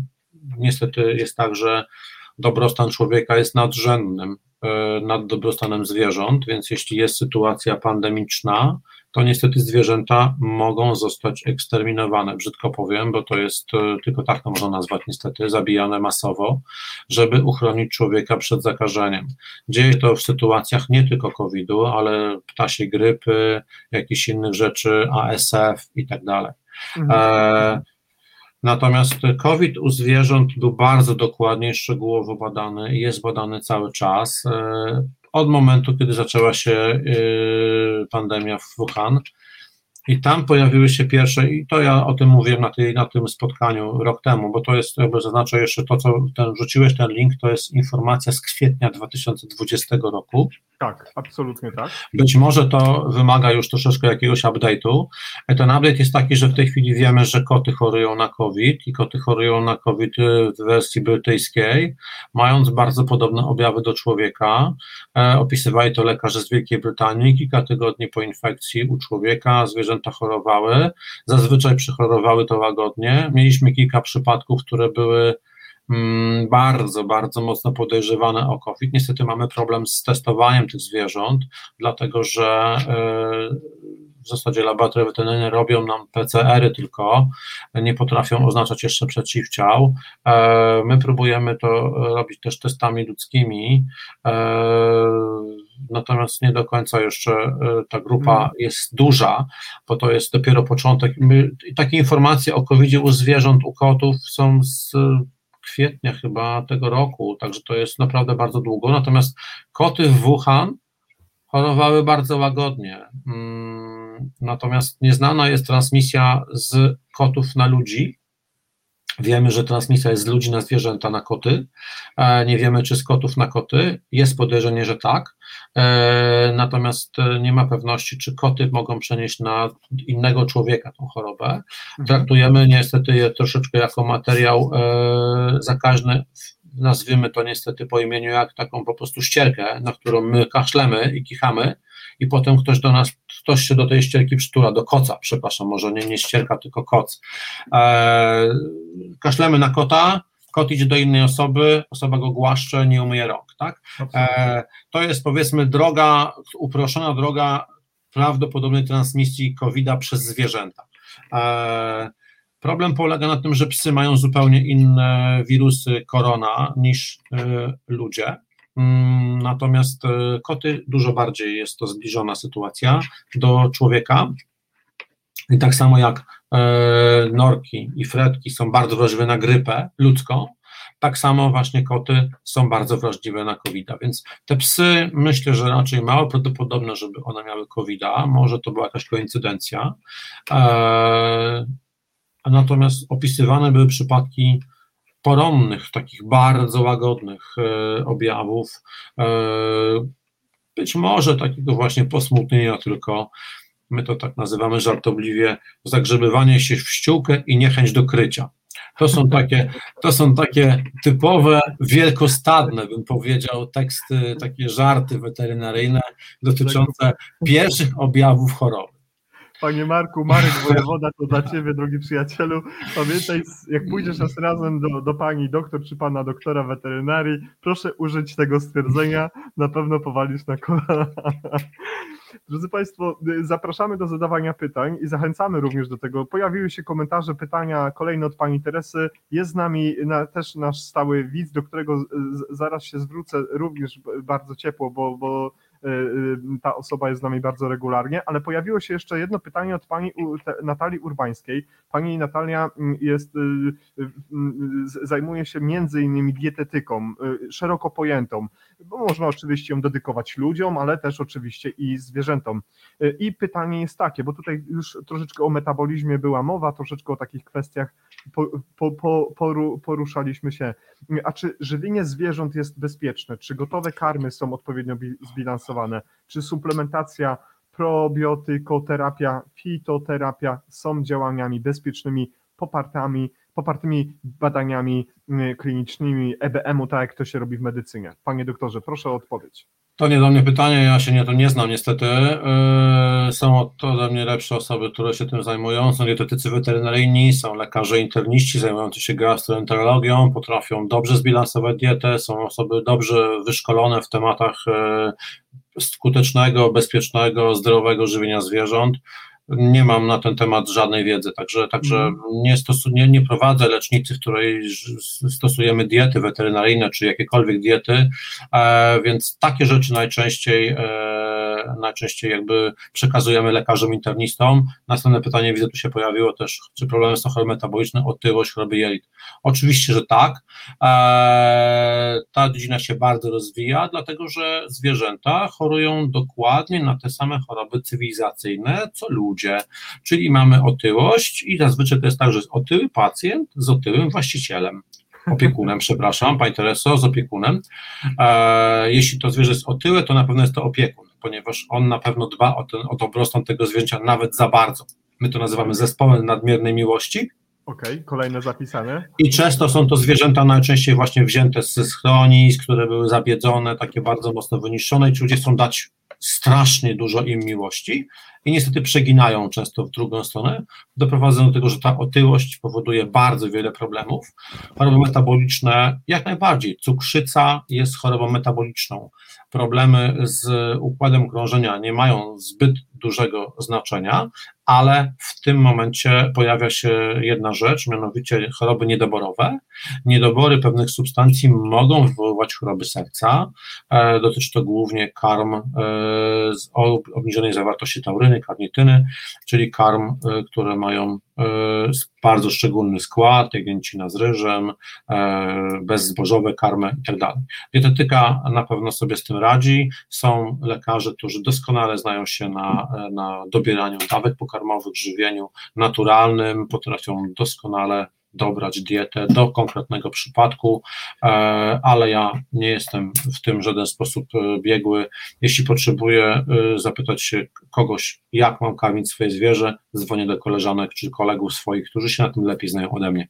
Nie jestem lekarzem od wszystkiego, mhm. także generalnie to jest temat nie dla mnie to gdyby była taka możliwość, panie doktorze, gdyby mógłby pan zapytać wśród swojego to, to, środowiska, towarzystwa, koleżanek, kolegów, gdzie kształcą się tacy dietetycy, gdzie można zdobyć więcej wiedzy na ten temat, to ja już gdzieś w kuluarach prze, przekażę może jakiś namiar do pana, panie doktorze, Znaczy, żeby... dietetyka weterynaryjna jest przedmiotem na studiach tak naprawdę i oni kończą te studia, ludzie, ktoś, kto chce się zajmować prawdopodobnie tą dietą, pewnie, y, pewnie jakby dodatkowo kończy jakieś szkolenia, kursy, podejrzewam ze zgłębia temat bardzo dokładnie dotyczący żywienia, Są, jest w ogóle towarzystwo dietetyków weterynaryjnych, gdzie mają specjalne szkolenia, spotkania, oddzielne w ogóle towarzystwo, oddzielne pismo, e, więc na pewno to jest tak, że jak się człowiek dokładnie po grzebie poszuka, znajdzie to. E, myślę, że na katedrze fizjologii e, są specjaliści, którzy potrafią. Michał Young jest doskonałym e, specjalistą od tego typu rzeczy, odżywienia zwierząt. Bardzo dużo mądrych artykułów napisał. Można spokojnie go zapytać, zaprosić go. On jest to mega mózg, naprawdę, jeśli chodzi o wiedzę dotyczącą diety. Tak jest. Pani Natalio, mamy nadzieję, że jest Pani usatysfakcjonowana. Jeżeli pojawią się jakieś pytania jeszcze, to, to będziemy męczyć Pana doktora gdzieś tam w kuluarach i, i z pewnością będziemy korzystać z tych podpowiedzi. A teraz pojawi się pytanie y, od Pana doktora Grzegorza Lewandowskiego. Panie Grzegorzu, witam Pana ponownie. Jest mi niezmiernie miło, że zajrzał Pan do nas. Wszakże mieliśmy e, tydzień przerwy w NT Live, bo zazwyczaj jesteśmy co tydzień. W ostatnim czasie e, e, mieliśmy małą pauzę, dlatego miło tym bardziej Pana zobaczyć. I tutaj pytanie od doktora do doktora. Prowadziłem szkolenia z diagnostyki cytomorfologii komórek krwi i szpiku kostnego w chorobach układu krwiotwórczego psów i kotów dla lekarzy weterynarii. Jakie ma to przełożenie na praktykę lekarską i leczenie zwierząt? Proszę zapytać onkologów, ja nie znam się na tym zupełnie. Nie zajmuję się terapią, hematologią, nie zajmuję się chorobami krwi. Moja, moja klinika, przychodnia, w której pracuję, zajmuje się tylko i wyłącznie pacjentami kardiologicznymi, pacjentami z chorobami układu oddechowego i stanami nagłymi w tego typu działach, więc jakby nie znam się na tym. Jest ogromna grupa doskonale wyszkolonych i biegłych specjalistów onkologii weterynaryjnej, którzy zajmują się tego typu rzeczami. Mamy swoje własne banki krwi, mamy grupy krwi u zwierząt, które musimy oznaczyć, podając tak naprawdę krew kotów, krew psów, 11 e, grup krwi u psów, więc generalnie trzeba to sprawdzić, aczkolwiek pierwsza transfuzja zazwyczaj jest bezpieczną transfuzją, dopiero potem trzeba zrobić krzyżówkę. Natomiast generalnie jest tak, że zapotrzebowanie na tego typu rzeczy jest bardzo, bardzo obecnie powszechne i potrzebne. My robiliśmy tylko i wyłącznie transfery e, osocza mrożonego dla psów z hipoalbuminemią e, i te metody były bardzo skuteczne, także generalnie to jest część, którą świadomie, że tak powiem, odpuszczam z uwagi na rozległość tego tematu, E, i to pogłębianie się tej specjalizacji jakby w tej takiej dziedzinie wąskiej e, też w weterynarii jest, więc jakby myślę, że to temat nie dla mnie. Mhm. Dziękuję serdecznie Panie Grzegorzu za Pańskie pytanie, a naturalnie e, Panu Rafałowi również. Ja się jeszcze odniosę do pytania Pani Teresy, tutaj do tego może komentarza tam, że nie ma humanitarnego zabijania zwierząt. E, tak naprawdę, no niestety to jest prawda, to co Pani powiedziała. Ja nie jestem osobą, która je, je mięso, przestałem jeść to mięso świadomie mm, jakiś czas temu. Mam w lecznicy osoby, które też zajmują się, też e, nie są e, osobami, które jedzą mięso. Widzimy ten problem e, i tak naprawdę Ziemia do tego zmierza, żebyśmy przestali jeść mięso, natomiast bardzo wiele osób tego nie, nie czyni. Mm, to jest myślę temat na, na rozmowę dotyczącą w ogóle całej etyki życia na Ziemi, a nie, a nie konkretnie weterynarii. Mhm. Lekarze weterynarii mają, mają zadanie tak naprawdę doprowadzić do tego, żeby to zwierzę zostało uśmiercone w najbardziej możliwie krótki sposób, bezpieczny, żeby to zwierzę było zdolne do tego, żeby produkty pochodzenia zwierzęcego były zdrowe i nie spowodowały zatrucia. Także, także mhm. e, humanitaryzm polega na tym, żeby to zwierzę cierpiało jak najkrócej, ponieważ cierpienie, tak jak powiedziałem na samym początku e, rozmowy dotyczącej e, synergizmu chorób ludzi, zwierząt, może powodować wyrzut adrenaliny z nadnerczy i może uszkodzić e, zwierzę w taki sposób, że zwierzę, produkt pochodzenia tego zwierzęcia, czyli mięso konkretnie, będzie niezdatny do spożycia.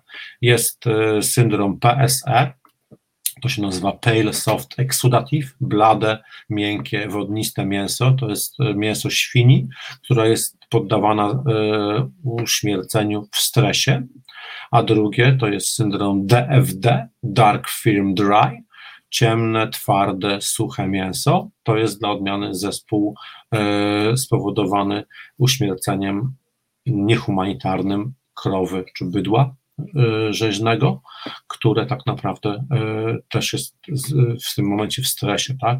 Słynna scena z filmu Bogowie, gdzie, gdzie po prostu umarła świnia w karetce i tam jeden z tych mhm. profesorów powiedział, świnie są wrażliwe na stres, jest absolutnie prawdą, tak? Także generalnie e, ograniczanie stresu przez e, zabijanie zwierzęcia, y, nie wiem, w komorze gazowej. No takie się rzeczy dzieją, tak naprawdę.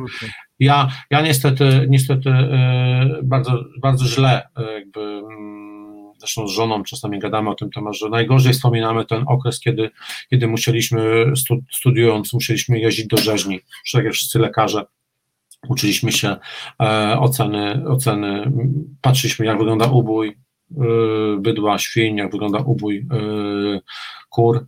E, y, musieliśmy to oglądać też. Tak naprawdę bardzo często też przywołujemy te obrazy niestety i stąd jakby też świadomie ograniczamy tego typu e, jakby nasze działalności, jeśli chodzi o kulinaria, coraz bardziej.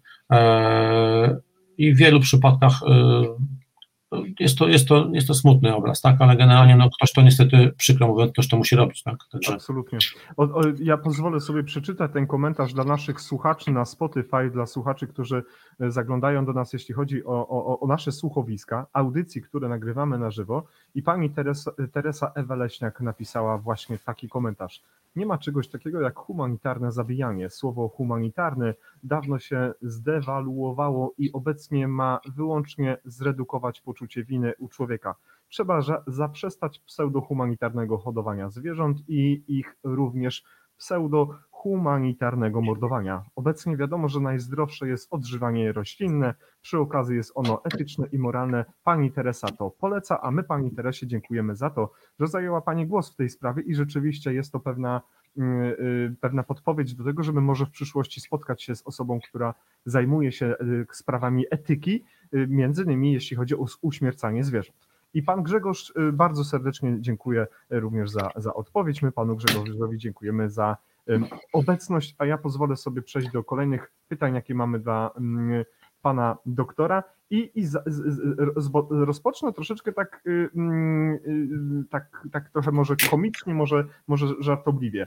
Y, a więc tak, terrier czeski jest mały, średniej wielkości i ma krótkie nogi. Dorosły mierzy 25-32 cm i waży 6 do 10 kg. Pożądana, pożądana wysokość u, dorosłego, u dorosłego psa to, to 29, a u suczek 27 cm. No i teraz po krótkiej charakterystyce wstępnej mamy do napisane również. Wielkość mały, wymaganie, y, wymagane czesanie więcej niż raz w tygodniu, linienie niewielkie, alergie tak, jest głośny, hałaśliwy, kategoria to terrier, y, czas opieki poniżej jednej godziny, średnia to, to, to, tolerancja wobec innych zwierząt właśnie jest, przydatność do stróżowania średnia. To dlaczego doktor Rafał Niziołek wybrał sobie dwa takie teriery czeskie. Trzy dokładnie. E, to nie ja wybrałem. E, to wybrała moja żona, e, która e, jest e, też lekarzem weterynarii. Tak. Mm, i jest z pochodzenia czeszką. Także generalnie e, urodziła się w Czechach e, i w okresie mniej więcej gdzieś, gdzieś okresu licealnego wróciła do Polski. E, I my zawsze wracaliśmy z dużą chęcią do tych Czech. Jeździliśmy do Czech. Ja zacząłem w Czechach w ogóle swoje pierwsze zagraniczne konferencje za sprawą e, lekarzy weterynarii, którzy mnie zaprosili wtedy na to, na to, na to szkolenie. Pamiętam, że to był pierwszy wykład po angielsku o chorobach serca w takiej dużej, ogromnej sali konferencyjnej w Czechach, e, gdzie musiałem powiedzieć po angielsku cały wykład po raz pierwszy w życiu. E, bardzo się stresowałem, mam przyjaciółkę, która mi do tego wykładu mnie przygotowała mm, i, i zrobiliśmy ten wykład najpierw w pamięci, cały musiałem omówić, wszystko powiedzieć, a na samym końcu moja żona nauczyła mnie jeszcze czeskich słów i czeskich wyrazów, które, które jakby też na końcu przemyciłem, co oczywiście zawsze wzbudza dużą, dużą jakby sympatię osób, które siedzą, że ktoś chciałby w ich języku coś powiedzieć. Mm, I, i zaczęliśmy tam co roku jeździć do Czech. kilka lat temu żeśmy odwiedzili miejsca, w których moja żona się urodziła, e, odwiedziliśmy miejsca, w których brat mieszkała, e, gdzie, gdzie jej rodzice mieszkali i tak dalej. Taka trochę podróż sentymentalna z moimi dziećmi, pokazywaliśmy, gdzie, jej, gdzie ich dziadek budował most, na przykład na, na, na rzece w Tyńcem nad Labem.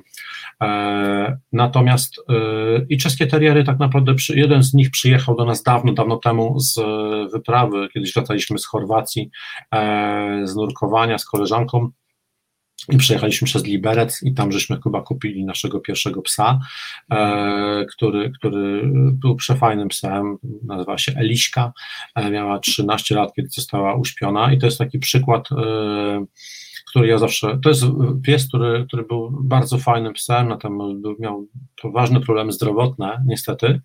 E, pewnie nikt by go nie chciał wziąć, więc żeśmy go wzięli my. Hmm. Przejeździł z nami trochę krajów Europy, e, naszym przyjaciołom zlizał skarpetki i tak dalej, jak siedzieliśmy przy stole. Natomiast skończył bardzo źle, ponieważ miał nowotwór jamy nosowej hmm miał wróżyła koraka w jamie nosowej i my żeśmy po bardzo długiej, takiej rzetelnej rozmowie z kolegami, z onkologami, z chirurgami, z internistami, naszymi wspólnymi znajomymi, podjęliśmy decyzję o tym, że nie będziemy tego psa leczyć żadną taką agresywną terapią, e, żeby zaoszczędzić mu po prostu dużych cierpień, a jednocześnie, e, bo to były dawne czasy, kiedy aż tak bardzo dobrze rozwiniętej onkologii weterynaryjnej nie było z silnym e, naciskiem na działania przeciw przeciwbólowe, na radioterapię i tak dalej. Mm, to było jakieś 7-8 lat temu. Nasze dzieci były wtedy bardzo małe jeszcze, żeśmy starali się jakby ograniczyć tego typu rzeczy, poza tym nie chcieliśmy narażać się na ewentualnie dostęp do cytostatyków.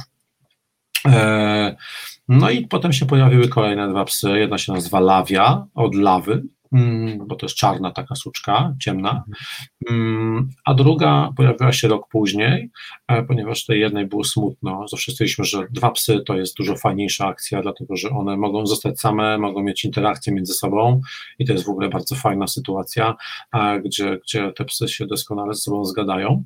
Mm, ona jest, jedna jest wysterylizowana, druga jeszcze nie. Y, natomiast druga się nazywa Glow, mm, jest taka siwa, popielata. Mm, jedna jest, każda z nich jest zupełnie inna. Jedna jest y, oazą spokoju, takim flegmatykiem, psem, który generalnie trzeba zastanowić się nad tym, co ma zrobić, podejdzie ostrożnie, zobaczy, sprawdzi a druga jest taka, to ja, to ja, tu byśmy zrobili coś tego i tak dalej. I tak jak tam czytałeś, że kontakt, godzina wystarczy, tak? Tak, to jest tak. nieprawda akurat, dlatego że ta, ta suczka młoda glow jest takim e, przylepniakiem, który generalnie w momencie, kiedy ktoś z nas siada na kanapie albo kładzie się do łóżka, ten pies momentalnie jest e, przy tobie i kładzie się dosłownie obok ciebie, zaraz tutaj e, przy, mm, przy, mm, przy tobie i po prostu jest cały czas w kontakcie, także e, rozdziela nas ten pies najczęściej w łóżku, bo musi być z nami połączony tak naprawdę. A drugi jest akurat w sytuacji odwrotnej, nigdy nie wejdzie na łóżko, chyba, że jest to nasza córka. Naszą córką śpi i to jest jej ukochany pies generalnie, e, a ta młodsza jest e, psem mojej żony. Także generalnie mamy takie właśnie tego i, i, też między innymi samochód jest na tyle duży, żeby te psy mogły w klatce jechać z tyłu, a propos bezpieczeństwa zwierząt, także kupiona jest klatka specjalna, żeby one jechały z tyłu. Jeśli jedzie jedna, jedziemy na krótko, to gdzieś zazwyczaj siedzi w nogach pasażera, bo to jest mały pies, więc jest o tyle łatwiej, bo to jest chyba tak naprawdę najbezpieczniejsze miejsce w samochodzie, jeśli chodzi o, o bezpieczeństwo dotyczące, nie wiem, stłuczki, uderzenia, no nie mówię o czołówce generalnie, bo to jakby jest mhm. e, dramatyczne dla wszystkich. Kiedyś miałem dyżur i widziałem sytuację, w której e, przyjechał właściciel psa, kierowca, pokiereszowany z rozbitą głową, z bandażami, ze stitchami na głowie, z psem, który wyleciał przez przednią szybę, a żona była w szpitalu. Także generalnie, bo psu trzeba było też pomóc. Także generalnie o bezpieczeństwie zwierząt też trzeba o tym, jak to bezpieczeństwo w podróży powinno wyglądać, to jest też duży temat i ważny temat. Tak, dla, dlatego ja go dzisiaj troszeczkę celowo odsunąłem. Ja wiem, żeśmy rozmawiali, dlaczego te klatki powinny być, dlaczego w Norwegii jest to obowiązek i wręcz przestępstwo, kiedy jest kontrola policji i tej klatki nie ma, ogromne mandaty, dlaczego ubezpieczenia są takie ważne. Myślę, że może by nam dzisiaj być trudno, żeby o to zapytać, ale to też niech będzie jakby powód, do, do, dla którego powinniśmy spotkać się raz jeszcze. Zresztą taki nasz jest zamiar y, Rafała i mój, żebyśmy się spotykali regularnie, żebyśmy o tych tematach bezpieczeństwa zwierząt rozmawiali czy poruszali. Ja to tak, to, to rozmowę troszeczkę dzisiaj jako takie, takie entry speech, żeby, żeby pogadać po prostu o różnych rzeczach, bo widzę, że te pytania są z każdej możliwej dziedziny tak naprawdę, tak. każdy ma coś tam do, do zapytania. To jest oczywiście fajne, bo to jest taka interaktywna rozmowa, która pozwala. Też rozwinąć się w różnych kierunkach, natomiast czasami, czasem w przyszłości lepiej jednak skupić się na jakimś konkretnym temacie i go od A do O do, do Z powiedzieć, tak? Także, mhm. także wtedy nie, nie rozchodzić się na boki, nie rozmawiać o, o diecie, o, o jakichś tam rzeczach, tylko skupić się na tym właśnie temacie przewodnim, tak? I wtedy po prostu zrobić, nie wiem, toksykologia, to wziąć toksykologa, e, to powiedzmy zwierzęta nieudomowione, wziąć człowieka, który się tym zajmuje na co dzień, jak ratować sarenkę, jak ratować łabędzia, jak go od, odkuć z lodu, co z nim zrobić, dlaczego ptakom nie dawać ty, tam, nie wiem, chleba i tak dalej.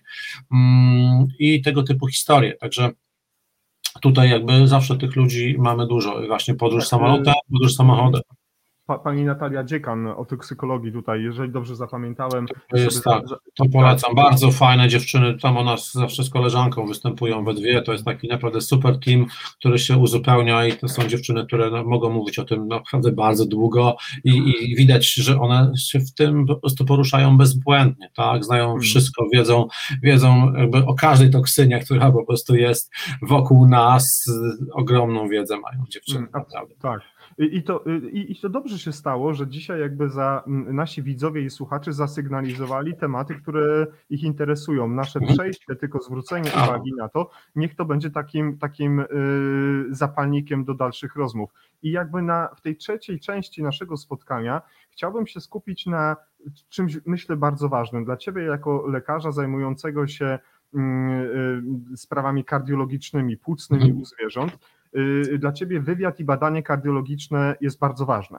Tak. Ono jest kluczowe i wiemy na przykład z badań przeprowadzonych w Norwegii i Szwecji, te materiały są na, twoim, na Twojej stronie internetowej, że na przykład boksery bardzo często albo statystycznie częściej chorują na y, y, podzastawkowe zwężenie aorty, zwężenie tętnicy płucnej, tak zwana kardiopatia rozstrzeniowa, drodzy Państwo, to jest nic innego jak taki problem, mm, y, y, serce, taki problem zdrowotny czy patologiczny, y, problem z sercem, który charakteryzuje się tym, że wszystkie jamy, czyli wszystkie pokoje w sercu są po prostu mocno z sobą poszerzone i przede wszystkim rzutuje to na to, że to serce nie pra, pracuje prawidłowo, tak mówiąc najbardziej ogólnie.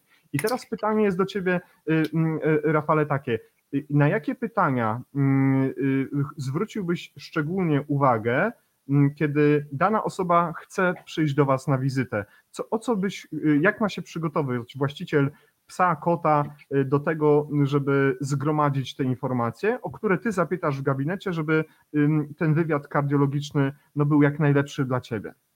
Znaczy tak, im więcej, tym lepiej. Tak naprawdę ta wiedza jest bardzo nam potrzebna i przydatna do tego, żeby postawić diagnozę. Rozmawialiśmy na początku, że my mamy tak naprawdę e, neonatologiczne pozycje pacjenta, którego on nam nie powie nic, dlatego bazujemy na tym człowieku, który z nim przyszedł, na opiekunie, mm, który ma nam maksymalnie dużo powiedzieć o tym zwierzęciu, e, albo jeszcze lepiej, jeśli to jest wizyta skierowana od innego lekarza, że to ma być w pewnym sensie wizyta z dokumentacją. Nie jest absolutnie rzadkością w obecnej sytuacji, kiedy przychodzi człowiek i mówi: My na badanie kardiologiczne od lekarza. I koniec. Nic nie wiesz. Nie wiesz, dlaczego ten lekarz ci wysłał tego pacjenta, yy, czy jakieś badania były zrobione. Jak drążysz temat, to okazuje się, że miał zrobiony rentgen, ale on go nie ma. Zapomniał go w domu albo lekarz go nie dał. Y, y, dokumentacja medyczna, no tak jest w komputerze u lekarza, ale też go nie ma. jest na świstku napisane tylko, że trzeba mu zrobić badanie serca, bo coś tam, tak? Także, ale z drugiej strony jest inna szalka, ludzi, którzy są niesamowicie przygotowani do tej wizyty, wiedzą wszystko o tym zwierzęciu, to są ci prawdziwi opiekunowie, wielka teczka badań, posegregowana latami, tutaj neurologia, tutaj gastroenterologia, tutaj reakcje alergiczne, tutaj coś, tutaj EKG, tu ostatni rentgen, e, on otwiera jeszcze telefon i mówi, a to jest film, jak on się dusi, tak to wygląda, bo mhm. wiemy o tym, obraz wart jest tysiąc słów, a wideo milion. Także generalnie filmik z dusznością czasami potrafi powiedzieć, proszę pana, ewidentnie, porażenie krtani, ewidentnie, to i to. E, to jest tak bardzo potrzebne, te zmiany zachowania tego zwierzęcia. To jak dla neurologa, tak? Dla niego informacja wideo z napadu drgawkowego czy z objawu neurologicznego, z którym ten człowiek ma przyjść, jest niesamowitą ma, ma wagę, jeśli chodzi o diagnostykę. Więc dla nas też każde obrazowanie, opis wcześniejszego badania, żeby porównać, tak, żebyśmy my wiedzieli, e, czy ten pacjent się poprawił, czy on się pogorszył. E, Im więcej dostajemy informacji, tym lepiej. My na swojej stronie internetowej na wetcardia.pl mamy e, taki blog, który się nazywa Wetblog, gdzie jest pierwszy rozdział w ogóle, pierwszy taki, taki artykulik napisaliśmy dawno temu, bo jak tylko to żeśmy zaczęli, czy warto, czy warto konsultować się przez online, czy przez, przez, bo to jest u ludzi teraz moda na tę pandemię i tak dalej, online. E, my tego nie lubimy bardzo. Po pierwsze, jest to e, niezgodne z prawem weterynaryjnym. Mm, Izba nam tego zabrania. Nie powinniśmy tego robić.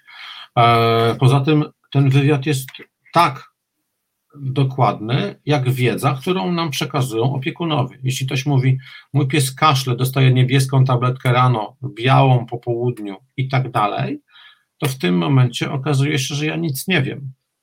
A ktoś powiedział, ale on miał robione echo i lekarz napisał, że tam jest niedomykane zastawki. Jaka? Jakiej zastawki? Jak duża? Czasami to jest tak, że ten lekarz chce w dobrej wierze to podać oczywiście, ale lekarz mm, może powiedzieć coś, a pacjent może to przekształcić, przekształcić na własną modłę, taki głuchy telefon się tworzy, tak? Trzecia mhm. osoba powie coś innego. Więc słowo pisane. W Anglii, na zachodzie jest tak, że my mamy, że tam jest, jak ja pracowałem na zachodzie, to było tak, że dokumentacja nie wędrowała z klientem. Klient dostawał tylko i wyłącznie papier polegający na tym, że dostawał ogólną diagnozę i zalecenia. Natomiast cała dokumentacja medyczna szła z lecznicy do lecznicy pocztą, mailem i tak. A u nas jest turystyka generalnie po gabinetach i ludzie mają to wszystko ze sobą. I jeżeli lekarz zadba o to, żeby ten dokument wydać, klient zadba o to, żeby ten dokument wziąć, to dostaje pełną informację. Dostaje rentgen na płycie albo na kliszy, rzadko już co prawda, ale na płycie najczęściej. Dostaje opis badania, dostaje taśmę z EKG, nie wiem, opis echa, czasami może poprosić sobie filmik jakiś na przykład, żeby, żeby mieć możliwość zobaczyć, żeby inny lekarz mógł też to zobaczyć. E, I to pozwala nam jakby prowadzić tego pacjenta w lepszy sposób, no bo jeżeli ktoś nam zdawkowo odpowie, no to my możemy się bardzo mocno pomylić, tak? E, także, także ta wiedza, im więcej wiemy, tym lepiej. Czyli przychodzi do nas pacjent, e, tutaj klient, my skrótowo mówimy, że pacjent, czyli zwierzę, ale on zawsze z kimś przyjdzie z opiekunem przychodzi, tak, więc jakby rozmawiamy z tym opiekunem, zadajemy mu kilka pytań, co się dzieje, dlaczego przyszedł, jeśli on ma tą dokumentację, fajnie, ale może być tak, że to jest pierwszy epizod, nie wiem, zemdlał, tak, albo, nie wiem, zakasłał. I w tym momencie mm, my pytamy, kiedy ten kaszel był, Inny kaszel jest zimą, inny jest latem, inny jest w nocy, inny jest ranem, czy jest mokry, czy suchy. To, to jest tak jak z lekarzami ogólnymi, tak? Jeśli się idzie do niego, to on im dokładniejszy wywiad zbierze, tym bliżej będzie tej diagnozy. Pojawia się w głowie lista diagnoz różnicowych i my mamy w tym momencie e, jakiś tam punkt zaczepienia. No dobra, to jeżeli on jest taki, no to teraz co robimy dalej? Czy my będziemy go po osłuchiwaniu kierować na rentgen, czy zrobimy mu USG płuc, czy zrobimy mu echo i EKG, bo on ma na przykład. Mówiłeś o chorobach. Oczywiście jest tak, że mamy taki targeting trochę, tak? Wchodzi nas bokser, dobra, to mamy to, to, to i to, tak? E, przychodzi do nas bull terrier, mamy to, to i to, tak? Jamnik, to, to i to. Oczywiście jest tak, że są małe rasy, duże rasy. Po pierwsze jest rozróżnienie w rasach. Różne rasy mają różne choroby. To jest pierwsza rzecz. Druga rzecz, różne gatunki mają różne choroby. Koty mają skłonność do choroby, która się nazywa kardiopatia przyrostowa.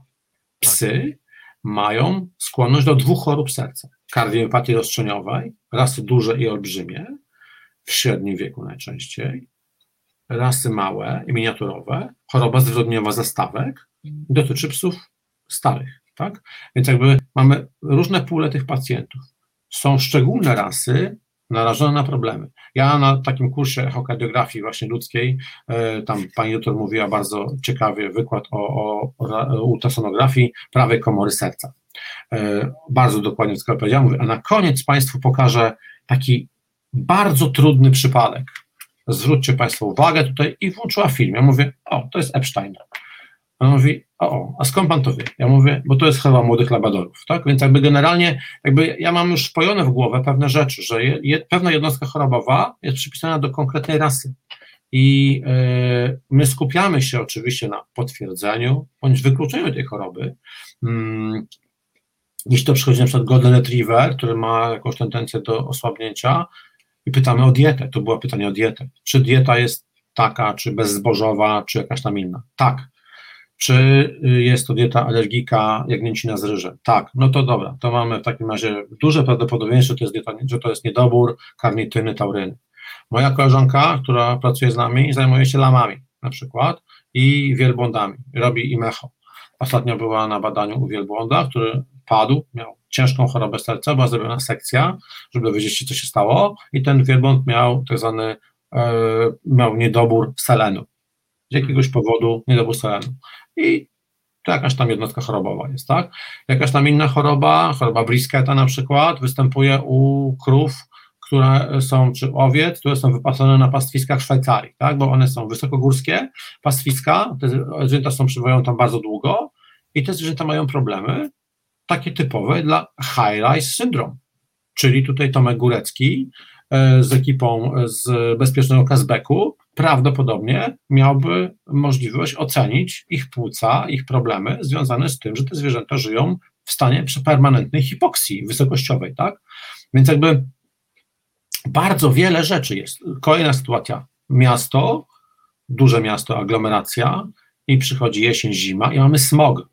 Ja miałem taką audycję w radiu kiedyś e, z dziennikarzami z mm, Stock FM chyba, ona jest w podcastach gdzieś tam dostępna, o tym, jak smog wpływa na zwierzęta. I to jest potworna sytuacja, dlatego że te zwierzęta mają naprawdę ogromne problemy. To jest e, jakby e, małe zwierzęta, takie 10-kilogramowe, 5-kilogramowe, 10-kilogramowe, takie po prostu chodzące na wysokości, my to nazywamy rury wydechowej, tak, mhm. zbierają wszystko do dróg oddechowych, co się da, tak, czyli to wszystkie mikrocząsteczki, te PM2,5, PM10, to są bardzo groźne cząsteczki, których jest mnóstwo, tak, i przychodzi, na, przychodzi jesień, zima, zamykamy się w domach, zaczynają kasłać te zwierzęta, tu smog jest wszechobecny, tak, też było na zwierzęta, było o chorobach cywilizacyjnych, była mowa, otyłość, chorobą cywilizacyjną mocno chorobę układu oddechowego u psów też, tak? Mhm. Także, także astma jest chorobą kotów, tak? Koty, które mają w domu, mają, są narażone na wszystkie szkodliwości wziewne, formaldehyd, y, meble klejone jakimiś klejami magicznymi, różnymi rzeczami. My tym oddychamy, tak? Jest zespół mhm. chorego budynku. Jest coś, co się nazywa zespół chorego budynku, tak? Wśród WHO ma taką jednostkę chorobową, tak? Zespół chorego budynku, tak? I to jest jednostka chorobowa, która polega na tym, że ludzie mają niesamowity wpływ na te wszystkie to się nazywa VA, Volatile Agents, te szkodliwości wziewne, tak, drażniące. I one powodują bardzo wiele problemów u ludzi. E, hipersensytyzację dróg oddechowych, astmę, katar sienny, problemy różnego rodzaju. U zwierząt jest to samo. One żyją z nami, te zwierzęta mieszkają z nami w tych chorych budynkach, tak?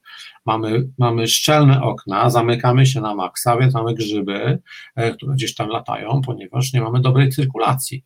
I wystarczy zobaczyć, jak wyglądają nasze okna. Jeśli są zamknięte okna, jest zimno, i mamy skraploną parę wodną, tak? I w tych rantach czasami się pojawiają grzyby, tak? No i my tym oddychamy, tak? Tak, ktoś, ktoś kiedyś powiedział, że jak jedziemy na interwencję do naszego pacjenta i ma, ma problemy oddechowe, ma astmę, ma POHP, ma inne rzeczy, to należałoby zobaczyć, jak wygląda jego psiak. Czy czasem nie ma podobnych problemów? Drodzy Państwo, gdybyście chcieli. Mamy taką samą sytuację, jak do nas przychodzi pies kaszlący, to my go wąchamy, bo zastanawiamy się, czy właściciel pali. Absolutnie tak. A, a wiemy, że wchodząc do pomieszczenia palacza w mieszkaniu, często na czwartym, piątym, No. szóstym, siódmym piętrze w blokowisku, jest to szczególnie wyczuwalne. Gdybyście, drodzy Państwo, mieli ochotę przejrzeć, poczytać na temat badań kardiologicznych kotów i psów rasowych w Europie, w Stanach Zjednoczonych, w Skandynawii, w kilku innych miejscach, zapraszamy, zapraszamy na stronę internetową www.niziołek.com.pl. Tam są, tam są zawarte informacje, między innymi na temat tego, jak przygotować się do, do, do, takiej, do takiego spotkania, na jakie rzeczywiście pytania y, mo, możemy być y, y, wystawieni przez doktora czy przez te, technika weterynaryjnego, żeby otrzymać jak najwięcej informacji, które mają wpływ na proces najpierw diagnostyczny naszego małego pacjenta albo dużego, jak powiedział pan doktor, że są małe rasy i duże rasy na przykład psów, a później wprowadzenie odpowiedniego leczenia. Tu dzisiaj mówiłeś, y, y, przed chwilką powiedziałeś na temat... Myślę, tego- że to jest stara strona, ona jest nieaktualizowana, to są stare artykuły, natomiast e, my jeszcze mamy drugą stronę, gdzie właśnie jest wetkardia.pl, czyli lecznicowa strona, gdzie tam czasami się staramy częściej te na bieżąco rzeczy różne umieszczać, które, które e, mamy e, i aktualizowane są. Także te dwie rzeczy są jakby w tym momencie ważniejsze. Natomiast takich informacji naprawdę można znaleźć bardzo dużo w sensownych miejscach internetu. Wiele lecznic weterynaryjnych specjalizujących się w konkretnych dziedzinach, e, okulistyce, e, onkologii, nefrologii. Bardzo dużo ciekawych treści umieszczę na swoich stronach, czy na facebookowych stronach, czy na, na swoich stronach lecznicowych, dlatego że to jest jakby też w pewnym sensie taka edukacja powodująca to, że to bezpieczeństwo się zwiększa. Absolutnie tak. Powiedziałeś dosłownie w jednym zdaniu y, o, o problemach y, zwierząt pasących się na wysokich pastwiskach gdzieś tam w Alpach. Przywołałeś tutaj Mhm. naszego bezpiecznego Kazbeka. Po, pozdrawiamy całą ekipę. Y, I, I tak zaglądam do, do, do Twojego Był bio. świetny wykład, był świetny po prostu ten rozmowa z tymi chłopakami, naprawdę była super. Bardzo się cieszę i bardzo za to dziękujemy i tęsknimy y, do, do chłopaków, ale jak zaglądamy do Twojego bio, właśnie na tej stronie, której mówisz, że ona jest nieaktualizowana, ale dużo jest tam informacji, to z racji tego, że od wielu lat słuchasz muzyki elektronicznej y, i nie tylko, bo się okazuje, że, że, że mamy tutaj takie skarby jak Metallica, jak Def Leppard i tak dalej, i tak dalej. No właśnie Iron Maiden odwołali niestety, miałem No za dwa właśnie. tygodnie mieć koncert w Warszawie, No jest za rok przeniesiony. No Niestety. właśnie, i jak tu, jak tu żyć, panie doktorze? Jak tu żyć? Spotify zostaje, albo płyty. I, i, I zaglądam na y, twój top y, 20 najlepszych y, y, utworów muzyki elektronicznej i, su, i szukam tego Oxygen. No i jest na 15 miejscu Jean-Michel Jarre z utworem Tlen, Oxygen. Dlaczego tak nisko? Dlaczego na 15 miejscu, panie doktorze, ten tlen?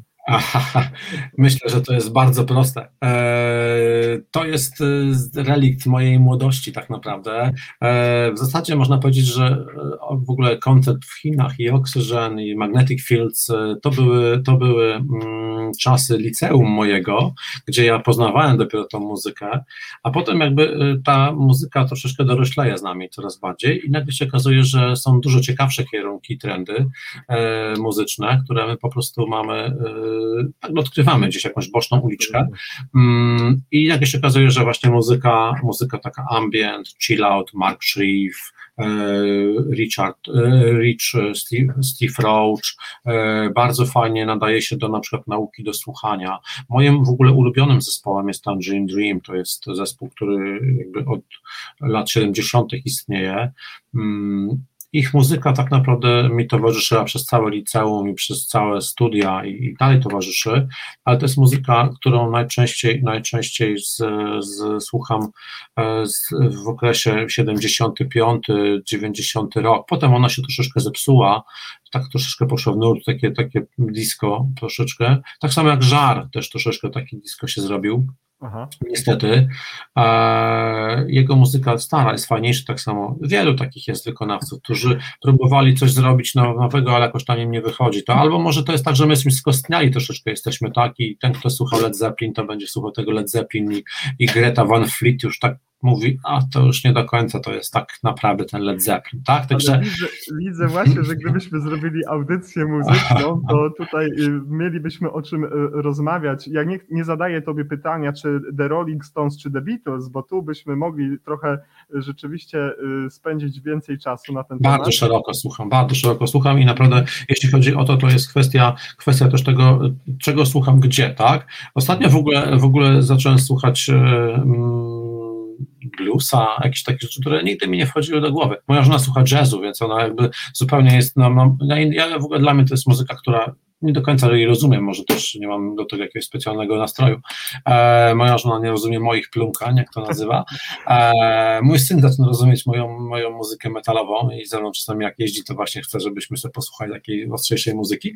Natomiast jakby, jakby im bardziej jakby, bardzo dużym odkryciem jest Spotify, gdzie jak ja po prostu włączam Spotify'a, mam swoje jakieś polubione utwory i nagle po tygodniu słuchania różnych utworów, nagle się okazuje, odkryj w tym tygodniu i w poniedziałek jak wracam na przykład, czy we wtorek wracam z Mazy, mam 4 godziny jazdy, odpalam sobie ten posłuchaj w tym tygodniu, to są utwory, które przypominają brzmienia, które ja najbardziej lubię, wtedy w, w, w ciągu tego tygodnia, który słuchałem. I nagle się okazuje, że mam nowe odkrycia i nagle, nie wiem, jest kupa fajnych rzeczy typu Cigarettes After Sex, na przykład taki zespół nieprawdopodobny, niesamowity zespół polski Spoiwo, no, to, to, to jest w ogóle chłopaki z tego Spoiwa rewelacja, e, drugi zespół polski Tide from Nebula, Riverside, no takie rzeczy naprawdę niezwykle, niezwykle taki progrok troszeczkę. Panie, mm. panie doktorze, gdybym pracował dla TVP albo jakiejś innej komercyjnej stacji, już bym poleciał z roboty, ale Nordic daje mi tę radość, że mogę rozmawiać z moimi gośćmi o czym tylko chcę. Okej. Okay. Szczególnie lubię słuchać zespołów takich jak Iron Maiden, Metallica, Stratovarius, Nightwish, Def Leppard, Tesla i Halloween. Dziękuję szczególnie za Halloween. Hmm.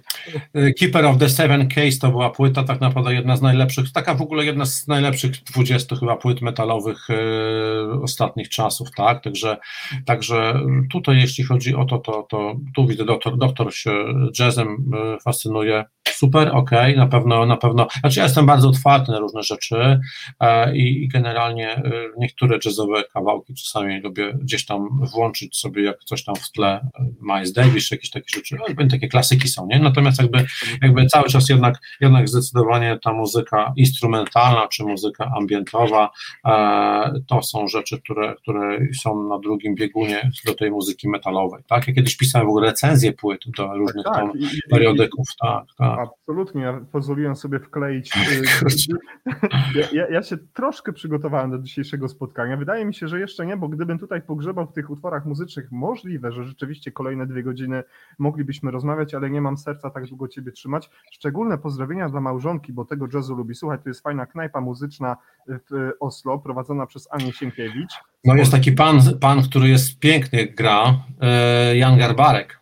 O, Jan Garbarek, no to, to tutaj jego... Połączenie Norwegii, tak. To tak in, ja mam płytę jego In Price of Dreams. Uwielbiam tak. tą płytę. Bardzo fajna płyta i Requiem jeszcze jest druga płyta no. jego. Bardzo Za, fajna. Zapraszam do Kosmopolit Scenę, gdzie Ania jest menadżerem. Jak będziecie e, wędrować na północ poza zdjęciami, które uwielbiasz robić, o tym dziś my, dzisiaj żeśmy nie rozmawiali, ale to sobie zostawimy na kolejne spotkanie. I potem e, jakby takim zakończeniu modułu trzeciego odniesiemy się jeszcze do naszych pytań słuchaczy. Y, myślę, że mm, tutaj pan y, Grzegorz poruszył bardzo trudny temat. Y, umieranie zwierząt, jak umieranie kogoś bliskiego. Czy nie powinniśmy rozmawiać o cmentarzach dla zwierząt? Dorośliśmy do takiego do tego jako społeczeństwo, czy też nie.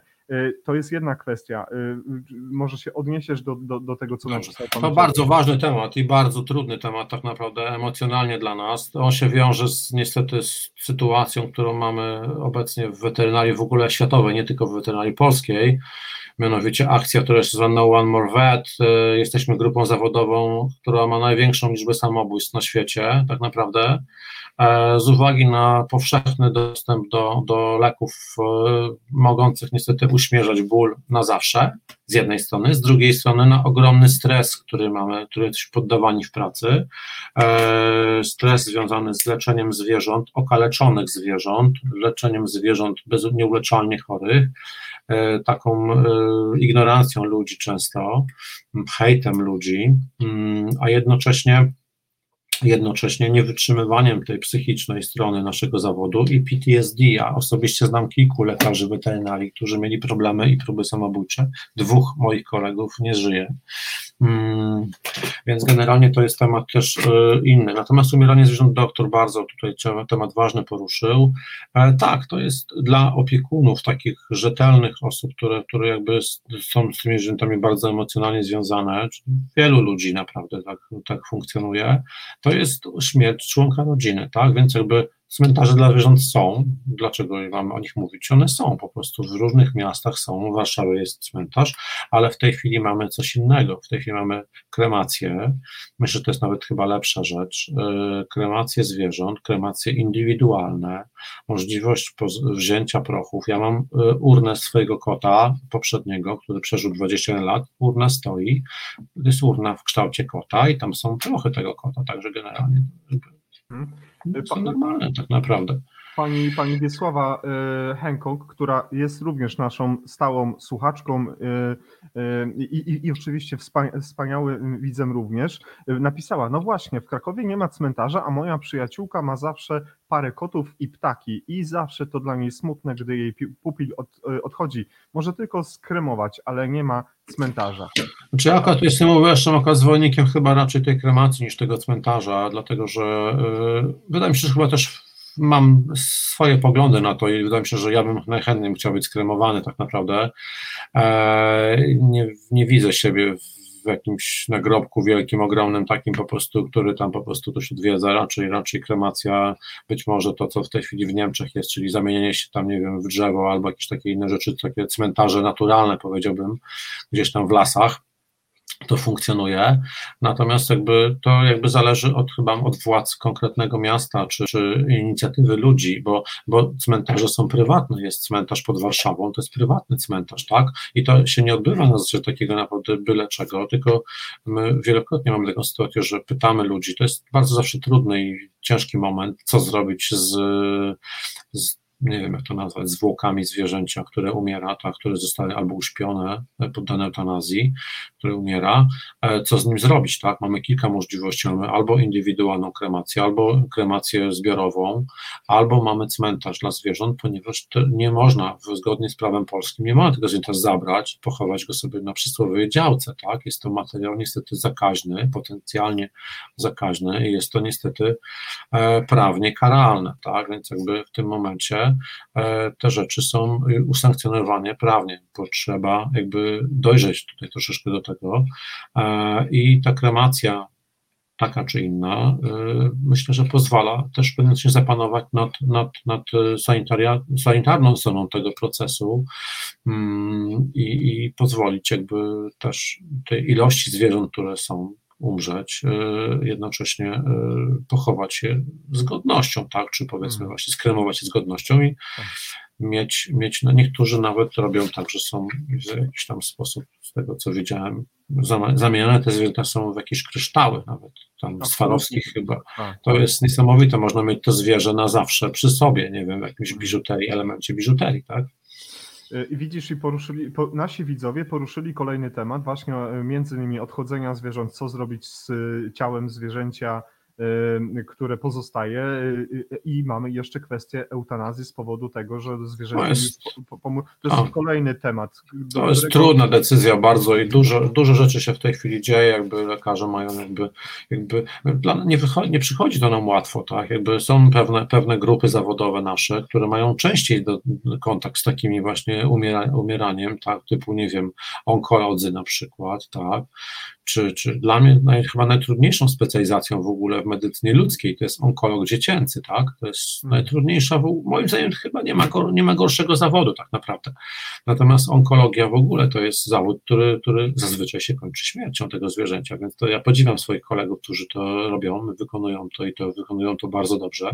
Mamy dużo świetnych onkologów w Polsce.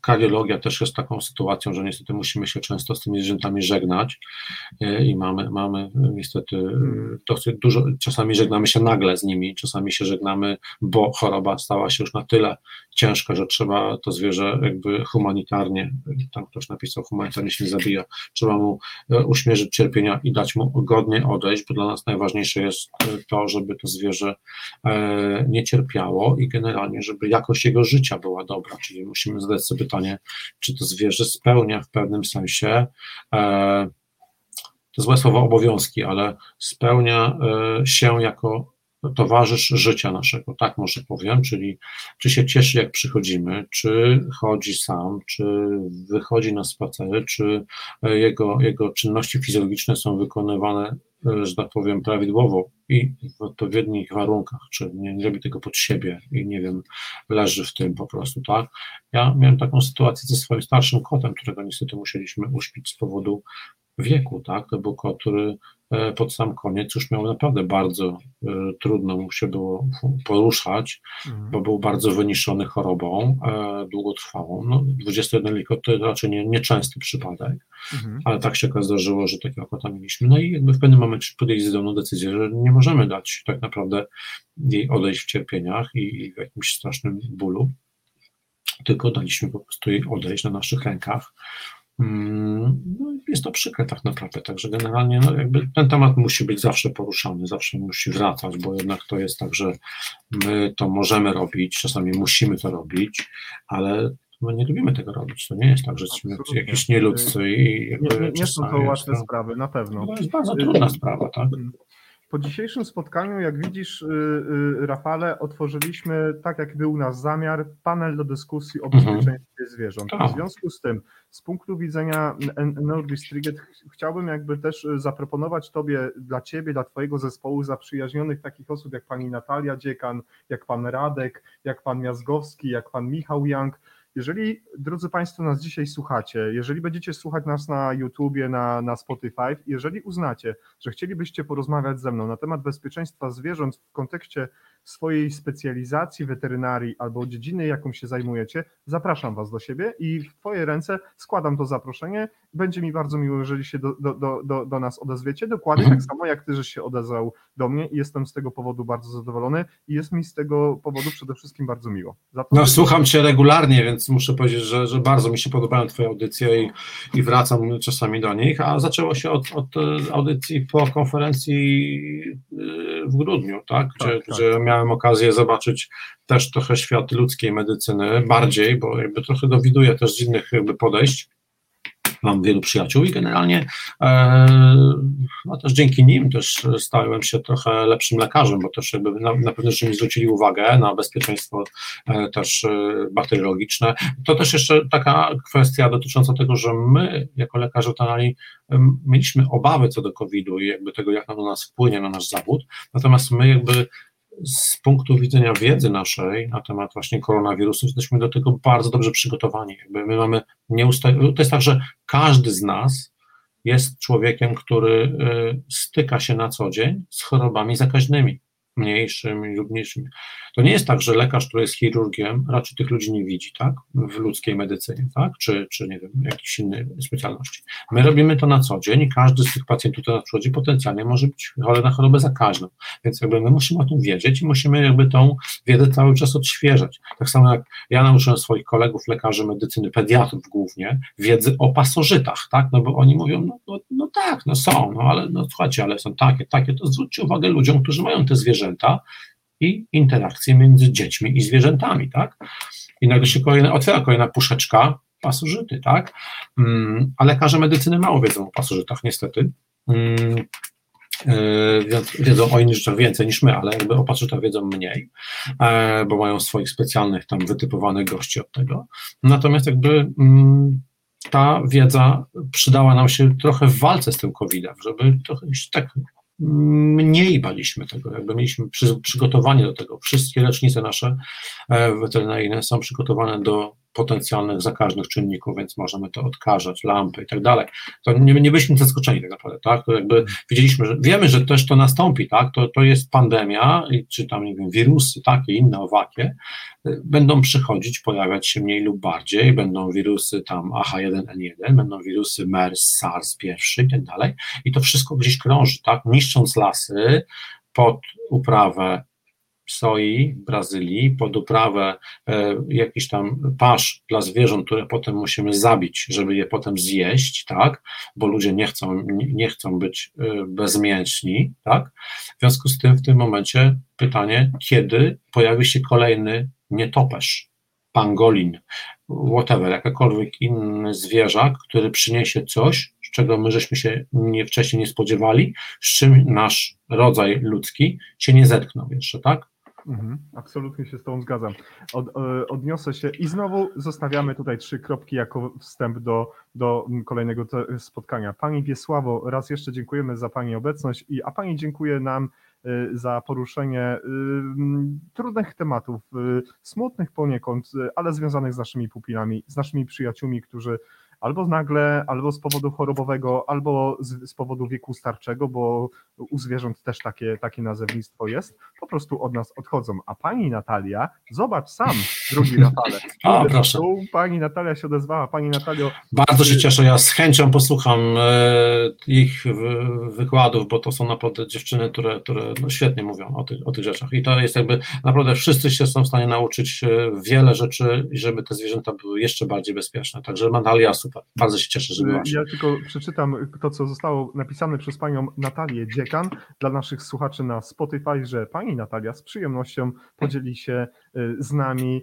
mm, i z widzami i słuchaczami tym, co w dziedzinie toksykologii jest ważne, a Rafałowi bardzo dziękuję za zaproszenie na dzisiejsze spotkanie, to tak samo jak ja. I y, odniosę, chciałbym się jeszcze odnieść do jednego komentarza, który pojawiło się na początku, ale już po pytaniu, dlaczego pan Niziołek poszedł na tą weterynarię i, i, i będę wdzięczny panu doktorowi, jeżeli pan doktor odpisze pani Katarzynie po mhm. naszym spotkaniu w komentarzu. Panią Katarzynę namawiam do tego, żeby odsłuchała początek audycji, a pani Katarzyna Lam z panem Michałem 25 czerwca będzie na, na, naszymi, będą naszymi gośćmi, bo będziemy rozmawiać o kolejny cykl rozmów o osobach z niepełnosprawnościami. I ten temat jest szczególnie ważny, ale mam dla Państwa jeszcze jeden temat.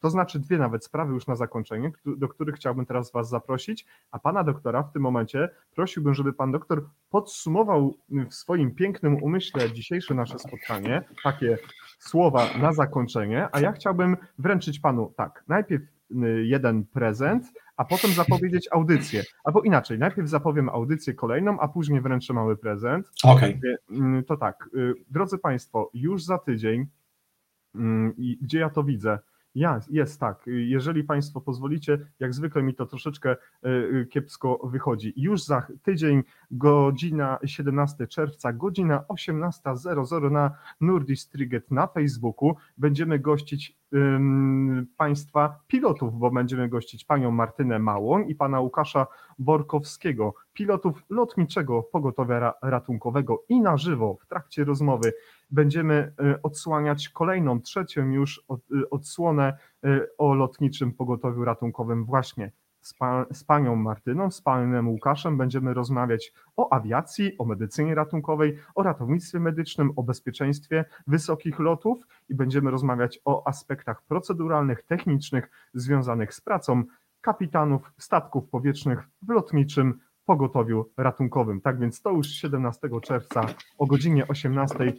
Bardzo się cieszę, że zarówno pani pilot i pan pilot będą na, naszymi gośćmi, a teraz wspomniana mm, niespodzianka, wspomniany prezent, jaki mamy przygotowany dla naszego dzisiejszego gościa. Jak wiesz, drogi Rafale, nasz rysownik Mike z Górskiej Chaty rysuje, ilustruje odcinki, które się pojawiają i również dzisiaj, drogi Rafale, y, y, y, Mike przesłał do nas taką mm, korespondencję graficzną, którą wyślę do ciebie na maila. Będę prosił o wydrukowanie tego i jak przyjadę kiedyś w odwiedziny do twojej Zapraszam. do twojej lecznicy, będzie mi bardzo miło zobaczyć pracę naszego Majka na, na, wasz, na waszej mm, ścianie przy ulicy Kijowskiej 11, dokładnie w Warszawie, jeżeli dobrze pamiętam. Tak, zgadza się. Jakże to jest prawdziwy ten komentarz e, tego człowieka, który to namalował, to jest niezwykle, jak te zwierzęta naprawdę w wielu przypadkach pomagały ludziom przetrwać ten czas. E, To również jest przyczyną do tego, że bardzo wiele zwierząt się nowych pojawiło, tak, e, wśród domowników, ponieważ ci ludzie starali się w jakiś sposób też podchodzić do tego emocjonalnie i jakby ci przyjaciele, w wielu przypadkach nowi przyjaciele, bo jakby zwiększyła się liczba psów na osiedlach, w domach, e, też chyba też jakby pod kątem emocji psychicznym, tak, bo jest tego terapia, tak, również, także też to duży temat dotyczący właśnie tego, jak zwierzęta na nas wpływają. To bardzo trafny komentarz na koniec, także bardzo jest. dziękuję. To jest, to jest taki prezent i on już Świetne. będzie y, y, y, leci do, do, ciebie, do, do twojego zespołu, bo przeglądałem sylwetki osób na stronie internetowej na Facebooku. Ja koniecznie chciałbym poznać tych wszystkich ludzi. Wy- Wyglądają na wspaniałych. Świetny zespół, ma, pracuję z nimi od lat. E, Część tego zespołu będzie miała w sobotę okazję e, omówić tematy związane z e, ultrasonografią płuc na konferencji, na której jestem moderatorem sesji weterynaryjnej. Mm, Natomiast podsumowując, ja bardzo dziękuję też za zaproszenie i za tak obszerną rozmowę na wiele tematów. LPR jest, to też są mistrzowie, jeśli chodzi o to. Ja też lubię latać generalnie samolotami, fotografuję te samoloty, więc też jakby bardzo jest mi miło, że tak powiem, że takie tematy też poruszasz, to są też przegościowie. Mm, Ja podsumowując to, wydaje mi się, że najważniejszym elementem bezpieczeństwa zwierząt jest bezpieczny opiekun tego zwierzęcia i świadomy tego, co robi z tym zwierzęciem, gdzie to zwierzę przebywa i w jakich warunkach. To chyba jest najważniejsza rzecz, która, która pozwala nam jakby to bezpieczeństwo tych zwierząt zachować. Także świadomość i wiedza. Dziękuję bardzo. Drodzy Państwo, y, bardzo dziękujemy również wszystkim, którzy dotrwali do nas, ale ja widzę, że z każdą minutą jest coraz więcej widzów i słuchaczy, tak więc y, musisz tu zostać jeszcze ze trzy godziny, ale y, No jak okej. już po- powiedziałeś w trakcie dzisiejszej audycji, twoja małżonka jest lekarzem weterynarii i nie będziemy tutaj się narażać. Pan Grzegorz Lewandowski w sposób osobisty dziękuję za dzisiejszy wieczór, jest nam ogromnie miło. Pan Marek również.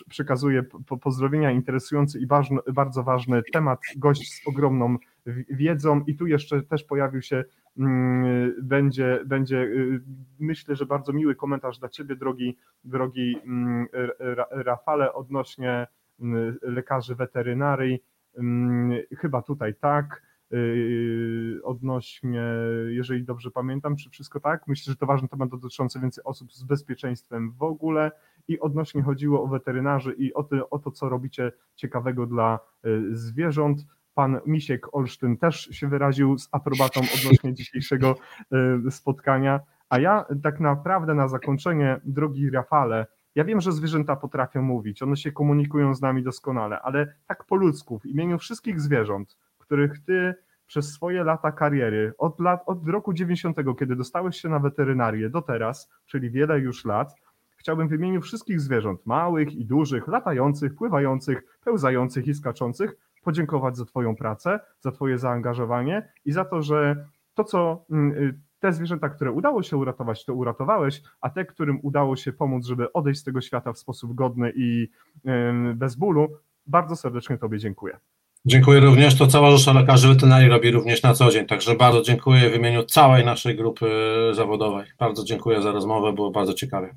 Jasne. Dziękuję serdecznie. Drodzy Państwo, to był kolejny odcinek y, Nurdis Triggered Live, w trakcie którego y, rozpoczęliśmy blok rozmów o bezpieczeństwie zwierząt. Państwa i moim gościem był pan y, dr Rafał Miziołek, specjalista weterynarii zajmujący się szczególnie psami, kotami, fredkami, o których dzisiaj nie rozmawialiśmy, ale w przyszłości z pewnością będziemy poruszać również tematy tych wspaniałych y, zwierząt. A ja nazywam się Jacek Borowiak i już widzimy się za tydzień o godzinie 18 w kolejnym wydarzeniu do District Live poświęcone medycynie ratunkowej i ratownictwu medycznemu. Kłaniam się nisko, życzę Państwu dobrej nocy i dobrego y, tygodnia. Dziękuję bardzo. Pozdrawiam. Do widzenia. Pozdrawiamy. Tu i już lecimy tak.